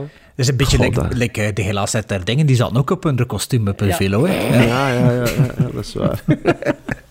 Goh, goh. Ah, ik ben benieuwd wat dat de nummer 2 Ja, van Jan ook, is Jan. eigenlijk. Eh, nu, ben ik echt kan niet wel wachten. eh, nieuwsgierig. Ja? Ja, ik blijf dus, ik blijf dus volharden in, in eh, de, het, het promoten van Walter Matthau als uh, serieus acteur. In, in Failsafe dus. De, de details kan ik mij besparen, want die heb je al gegeven, Bart. Ja. En dat is inderdaad een hele straffe film. Dat gaat dus... eh, het is wat je zegt, het is Dr. Strangelove, maar zonder de, zonder de satire. Over, door, door een samenloop van omstandigheden vertrekken dus er een, een aantal Amerikaanse bommenwerpers met kernwapens richting Moskou. En ze moeten dus proberen ja, die, die, die uit te schakelen op een of andere manier. Of er, er dreigt een, een, een, een, een kernramp van catastrofale eh, proporties. En dat is onnoemelijk spannend. Ik vond dat echt zeer, zeer spannend. Is die film zeer niet- goed gedaan. Is die niet van hetzelfde jaar als Dr. Strangelove? Die wisten van elkaar niet of zo. Ja, hè? en, en daardoor is die failsafe zo'n beetje ondergesneeuwd. Omdat die in de schaduw van Dr. Strangelove dat jaar is eh, blijven staan. En Walter Matthau speelt, speelt daar dus een, een soort, als ik me goed herinner, een, een professor in. Die, dus ja, een professor die, eh, de Doomsday Professor, die inderdaad verwittigt van dit gaat eh, heel slecht aflopen. Maar dat is een van die, die jaren zestig ehm, politieke ehm, films die, die, denk ik, ook die heb ik wel niet teruggezien. Dus ik ga ervan uit dat hem goed overeind is gebleven. En ook weer van een zeer interessante regisseur is, Cindy Lumet, die toch wel een hoop klassiekers op zijn naam heeft. Dus vandaar bij mij op twee Failsafe. Eh, bij mij op nummer 2, misschien als je kijkt naar de film, allee, alle intrinsieke kwaliteiten die een film moet hebben, eh, waarschijnlijk eh, een plaatje hoger zou moeten staan, maar er, scheelt, allee, er, er is nog altijd zoiets als een emotioneel aspect en een subjectief aspect als je naar de film kijkt. Dus bij mij op 2 staat de film uit 1974, The Taking of Pelham 123. Ehm, die wij al een keer besproken hebben. Ehm, Ja. in aflevering Veel beter, 62. als de, veel, veel beter als de remake. Ook. Heb ik die besproken? Want dat is een Die- van mijn vijf zat, films dat ik eh, gezien ik heb en ik was daar enorm juist- door verrast. Ik heb het al juist opgezocht op Letterboxd in aflevering 62 in ons segment What Did the Watchman Watch? Eh, ik denk, Bart, dat wij die in de zomer een keer alle twee bekeken hebben of zoiets. En dat we het daarom daarover gehad hebben. Want ik, ik kan me herinneren dat Zij- ik die dan ook gezien heb. Jan, was dat toevallig dat je juist moest niezen? Omdat het over de Taking of Pilgrim 1, 2, 3 ging? Of, eh, Het, het, wa- het was toeval, maar tegelijkertijd toch een heel subtiele knippel Ja, ja. naar deze wonderlijke film. Ja. Maar ehm, ik, heb de, ik moet eerlijk zeggen, ik heb de remake nog niet gezien. Dus dat interesseert mij echt eh, om die te zien. Eh, maar het is wel Tony Scott, dat vind ik zo raar niet dat slecht, dat, hij dat niet, heeft. ja. Ik, ik wil er niks over zeggen, want ik heb hem niet gezien. dat is prima film, prima film. Eh, maar het is, het, het, het is ook niet alleen Walter Matthau, alhoewel. Eh, wat Dus, dat dus Walter Matthau- ook? Jaws, hè? Robert Shaw. Robert Shaw, Robert Shaw, en Martin Balsam. Ehm, maar wat, dat, wat dat Walter Matthau daarin zo goed maakt, goed maakt, vind ik, is dat hij toch een, een, een serieuze, zijn rol serieus speelt, maar toch heeft hij van die momenten dat zijn Oh, quirkiness die, erdoor met, komt. met, met die Chinezen of met die Japanners. Ja, in het begin een paar blikken ook, als hij daar voor zijn microfoon staat. Eh, een paar twitches in zijn gezicht. Het is zo wat... Het is Walter Matthau zoals dat ik hem graag zie, en toch met een serieus. En, maar ik vind dat, pas op, ik vind heel die film vind ik, eh, vind ik heel leuk om naar te kijken. Dat is ook een, een film van een uur 44, dat raast van A tot Z voor, voor mij. Letterlijk. Eh, letterlijk zelfs, eh, voor een heel groot stuk. Robert Shaw is daar Robert Shaw, maar een, een fantastische Robert Shaw in. En ja, ik vind dat gewoon een hele goede film. Maar Ja, net- we hebben het besproken in de aflevering 62, dus voor de luisteraars die meer willen weten, die, die, moeten nog niet overtuigd zijn ervan. Hè. Ja, die moeten maar naar die- 62 luisteren. Ja, ja. ja, een topfilm. Hè. Ehm, mijn nummer twee van Walter Matthau films die ik niet gezien heb, ehm, of die ik toch zeker wil zien, is een film van 1973. Ik ben ook wel liefhebber van de jaren 70 Walter Matthau. Ook met Jack Lemmon natuurlijk, maar ehm, kan ook niet zoveel meespreken, want zoveel heb ik nog niet gezien. Ook de Billy Wilder films natuurlijk. Ehm, maar dus ik heb het ook een klein beetje op de serieuzere Walter Matthau ge- gehouden. Het is, een- het is een film van Stuart Rosenberg. Eh, hopelijk is dat niet de nummer 1 van Jan. Eh, dat is de regisseur van Cool Hand Luke, The Pope of Greenwich, Greenwich Village. Met Mickey Rourke is dat zeker. Eh, de Amityville Horror had hij ook gedaan. Het is een film ook van onder en twee minuten, van 1973. En eh, dan heb ik het over The Laughing Policeman. Topfilm. Eh, wie zegt er? dat? Sven? Jij? Ja, met de Walter kende en na Bruce 120 Dern. afleveringsfans zijn stem nog niet, Bart? Maar er zitten met vreemde eenden in de buit. Eh, ja, maar die klinkt like hij natuurlijk. Dus, eh, Ah, kijk. Ehm, nee, de Laughing Policeman had het over een politieagent die de moord van zijn collega moet onderzoeken. En die was eigenlijk vermoord door een seriemoordenaar, volgens de synopsis die ik online tegenkwam.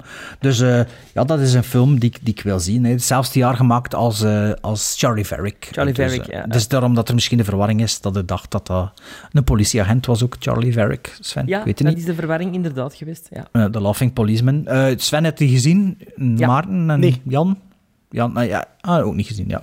Dus eh, dat is mijn tweede die ik toch wel zo snel mogelijk wil Goed, zien. goed, doen, doen. Ja. Maar, maar ja, ik weet het, maar ja, moet er aan toekomen. Mijn nummer twee is een film uit 1971. En als ik daarnet zei dat Walter Matthau en Jack Lemmon tien keer hebben eh, samen on screen geweest, dat klopt dat. Maar ze hebben eigenlijk elf keer samengewerkt. En weliswaar voor deze film uit 71. Het is de enige film die Jack Lemmon ooit geregisseerd heeft. En hij laat Matthau erin schitteren als nooit tevoren. Ik heb het over Koch. Film uit 71 over een man, gespeeld door Walter Matthau, die niet in een rusthuis terecht wil komen en zo een beetje Clint Eastwood-style vlucht, een roadtrip maakt en ondertussen een zwangere teenager helpt met haar problemen en met haar bevalling. Van wanneer? Het is een- 1971? 71. Dus dat Het was die fi- 50 jaar. een- Maar hij is ouder gemaakt in de film. Ah ja, oké. eh, met make-up. Prachtige vertolking. Zakdoeken vol. Allee, echt blijten. Het is echt zeer, zeer, zeer mooi. En het is ook de enige keer dat Jack Lemmon ooit een film heeft geregisseerd. Ik vind dat wel schoon dat het dan juist een film is met Walter Matthau. Ja, ja. Maar toen hadden ze nog niet zo heel veel... Nee.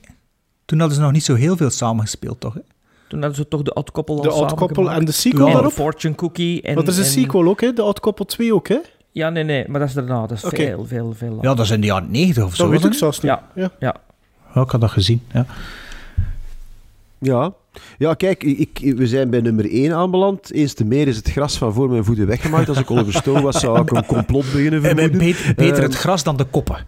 Ja, ja, ja, is waar. Nee, mijn nummer 1 is eh, The Taking of Pelham. Eh One, Two, Three, wat een van mijn favoriete films eigenlijk is van de jaren 70. Mhm. Perfect uitgevoerde, tongue-in-cheek, misdaad, thriller, eh, eh, met humor, eh, een zeer strak tempo, zeer goed verhaal. Ehm, ja, eigenlijk, voor zover ik, eigenlijk is dat een, een quasi-perfecte film. Zowel qua ja, op alle vlakken. Ik vond trouwens ook de remake best wel verdienstelijk. Net iets te flitsend, dat heeft die en Tony Scott soms wel meer. Allemaal net iets te nerveus naar mijn doen, maar ook met een zeer goede Denzel Washington. Maar het origineel is, ik ben het met Sven eens, is eigenlijk nog beter. Heeft een soort, een soort ja, hoe moet ik dat noemen? Een soort zelfzekerheid. Een, een, ja, het past ook geweldig in de, de, de, de New York-sfeer. Het is, van New de York het is die sfeer. rauwe 17 is, hè. vibe, hè. Het is, die, die, Ja. het is echt Ja. die vibe dat je, die klopt hè, daaraan aan die film. Ja. En, Ja. en Walter Matthau combineert daar eh, zijn, zijn, zijn talent en als serieus acteur, maar slaagt er ook in op ja, een, een, een humor in te brengen. De, de, de eindscène, die ik niet ga verklappen natuurlijk, maar ja, het, dat, dat, ja, het eindbeeld is, is eigenlijk Walter Matthau. eindigt en dat ook niet is- op een freeze frame of zo? Of het voelt ja, maar zo aan, zegt, hè? nee, nee, niet meer. Ja, ja, ik denk ook dat het een freeze frame is. Ja. Maar dat is echt een, een zeer onderhoudende... eh, en die heb ik wel onlangs teruggezien. En ik ben zeer blij te kunnen melden dat die dus door de tand des tijds amper Ja, is aangetast. Dus zeker, zeker geen trage film, hè? De- de- nee, dat vandaar, zegt, eh, vandaar dus op, eh, op één, The Taking of Pelham. One, two, three. Ehm, bij mij op nummer 1, ik kan ook niet anders. Ik heb het al een paar keer over die film gehad. Ehm, als ik aan Walter Matthau denk, dan denk ik aan Jack Lemmon. Maar dan denk ik in de eerste plaats aan een film uit 1993, geregisseerd door Donald Petrie, wiens eerste featurefilm eh, Mystic Pizza was, uit 88, met eh, Julia Roberts.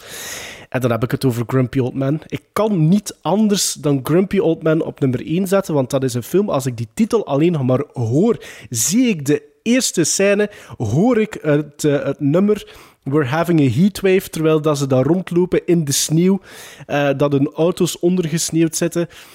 En die film maakt mij blij. Die film maakt mij oprecht blij en gelukkig.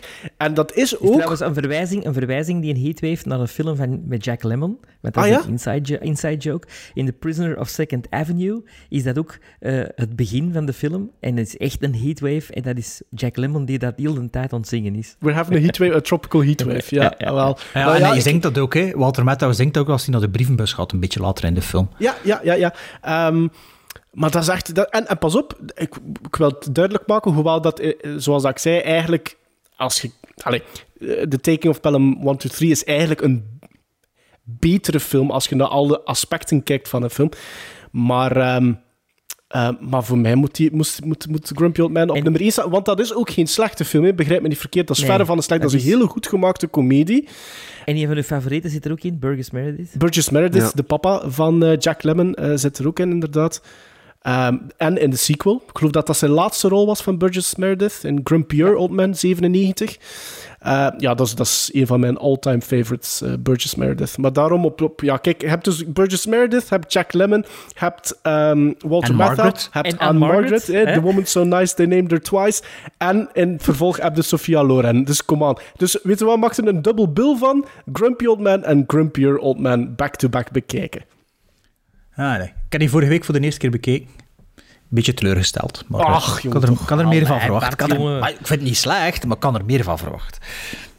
Is dat mij? Het is aan mij. Ja. Mijn Nee, nummer niet één... meer. Ik denk dat we hier gaan afronden. mijn, eh, mijn, mijn nummer 1 Walter Matthau films die ik wel zie, die ik nog niet gezien heb, is, eh, is een film waar ik ook alweer veel over hoor. Ook een film van 102 minuten. Dus alle drie de films zijn van 102 minuten. Dus eh, het is een film van Michael Ritchie. En Michael Ritchie, dat is de regisseur van Fletch, Fletch Lives, The Golden Child, Wildcats en Prime Cut. En ook The Candidate van 72. Prime Cut is ook van 72.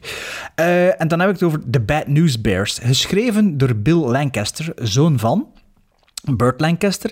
En die Bill Lancaster die is op 49-jarige leeftijd overleden en heeft maar twee films geschreven.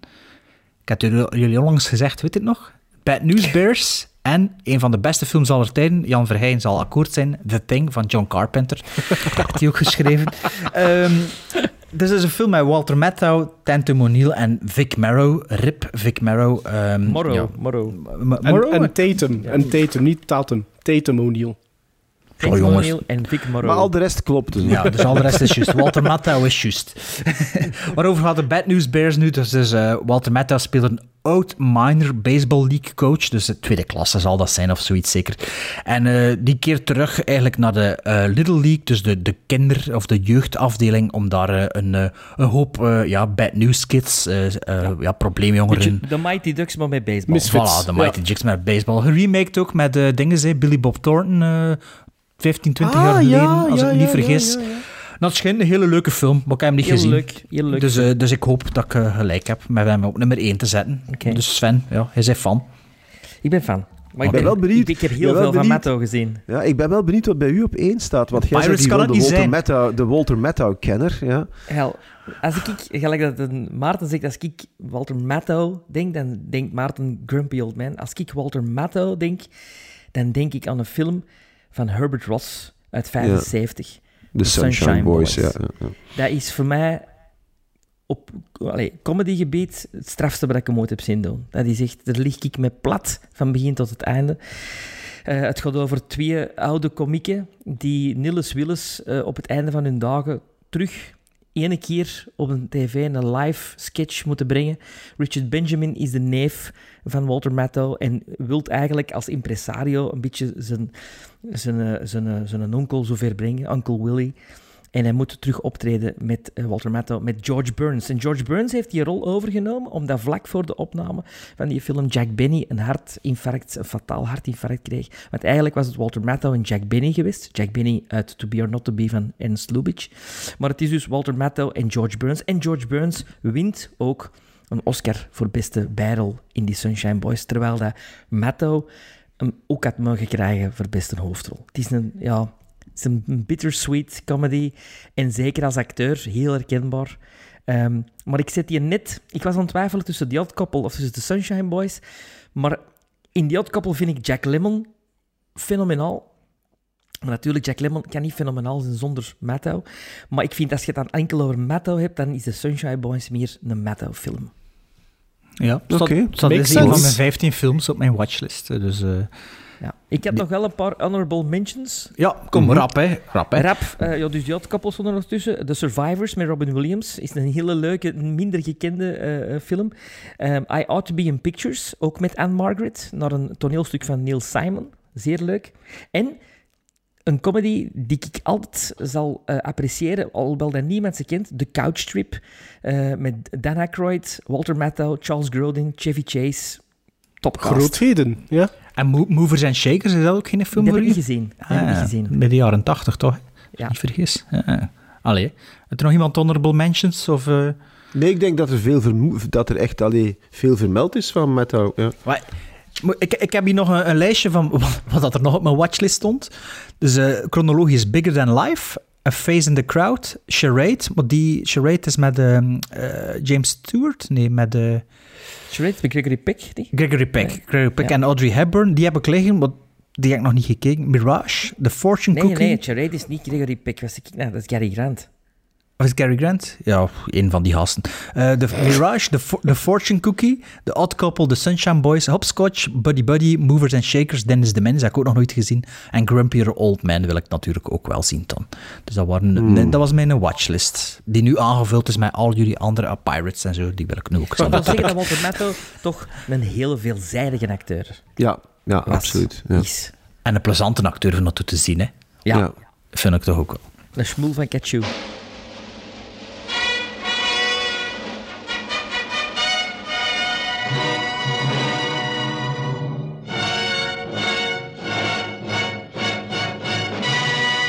Twee uur hadden we gezegd tegen Jan Verheyen. Het is een beetje later geworden dan twee uur, langer geworden dan twee uur. Ehm, hij denkt, we, we gaan dat niet verklappen, dat er stukken uitgeknipt worden, maar dat wordt niet het geval. Eh, dus, eh, Jawel, jawel, nee, jawel. Het zal toch Ja, de ook... bumpers, de ja, bumpers, hè. er- ja, het stukjes ertussen die worden weggeknipt, maar de rest van de content die blijft behouden. Oh, maar Jan, jong, dus, ehm, ja. eh, hoe, hoe noemt u veel meer? De analen van de... Nee, wacht, ze kent Hoe hier... heet, Bart, hoe heet? Hoe heet Ehm, het boek? Is alle remmen En, los? ja, ah, alle is de remmen titel los. van het boek. Ah, Ja, ja, ja, ja, alle remmen mag- los. Ja, ja. Dat, eh, dus vanaf 19 oktober in, eh, in de boekwinkel. En voor mensen die het graag allemaal live is willen meemaken, in het kader van dus de, de, die, die, het verschijnen van dat boek, is er dus eh, eh, een avond bij Razor Reel in Brugge op 6 november. Maar op 31 oktober doe ik samen met Xander de Rijken een, eh, een, een, een Halloween special. De Nacht van de Jansmaak in de, de Captain Comedy Club in Dendermonde. En op 10 november host ik de Trashy Tuesday in de cinema in, in Antwerpen. Ah, ja. In de cinema, de cinema. Ah ja, in, de eh, cinema, in ja. Antwerpen. Met als hoofdfilm Ilsa She-Wolf of de SS. Pellicule of eh, digitale projectie? Eh, wel, dat is nog niet helemaal duidelijk. Er, er zou een, een, ik zou heel graag de, de 35 mm kopie, eh, die in het filmmuseum ligt, Ja. want ook daar kennen ze hun prioriteiten, Ehm, dan, die zou ik graag eh, vertonen. Dus met inclusief zo de, de, de, de, de, de, de al wat gerachte eh, kopie en de slechte overgangen en zo. Maar, en anders is het op, op, En op de- eh, DVD. En DCP. stukjes schaamhaar die in de pellicule terecht zijn Ja, dat soort dingen, dat soort dingen. Dus, eh, dus dat, dat kan je dus eh, ja, mee komen kijken en dan vertel ik over het boek en dan heb ik ook nog wat trailers en Ah, fragmenten. ja. Ah, over het boek gesproken, weet u dat een vriend van de show kan worden sinds vorige aflevering, Jan? Dus een vriend Nee, van de hoe? show. Ja, vorige week hebben we plots eh, alle drie individueel een boek, een gesigneerd boek van de luisteraar opgestuurd gekregen. Dus als je vriend Ah. van de show wil worden, dan moet je ons iets opsturen en dan eh, wordt je officieel vriend van de show, je noemt dat dan. En eh, dan, dan, dan, dan kun je zo een vriend van de show worden. Allee, ik zeg het maar. Hè. Ehm, Ja. We zijn bijna rond, je- denk ik. Weet, je wat die een boek kost? Nee, is nog niet uit. Ik winkel, ken- de volle ken al in de winkel 450 pagina's. ja. Hello. Nee, ik het, zal nog niet, het zal nog niet in de winkel, hè, dus ja. Maar daaraan Eh, maar- gekoppeld, want me gewoon, geef het me gewoon mee, ik zeg het maar gewoon vriend van de show, dat klinkt toch chic. nog een keer aanhalen dat Jan te zien is op het Razor Reel Filmfestival op 6 november en dat wij, de Gremlins, te zien zijn in een live podcast. eh, de Live deliberatie. En een live, deliberatie. want wij zijn de jury van het Razor Reel Film, Filmfestival. Dus Jan op 6 november en de Gremlins op 7 november. Now, was that civilized? No, clearly not. Fun, but in no sense civilized.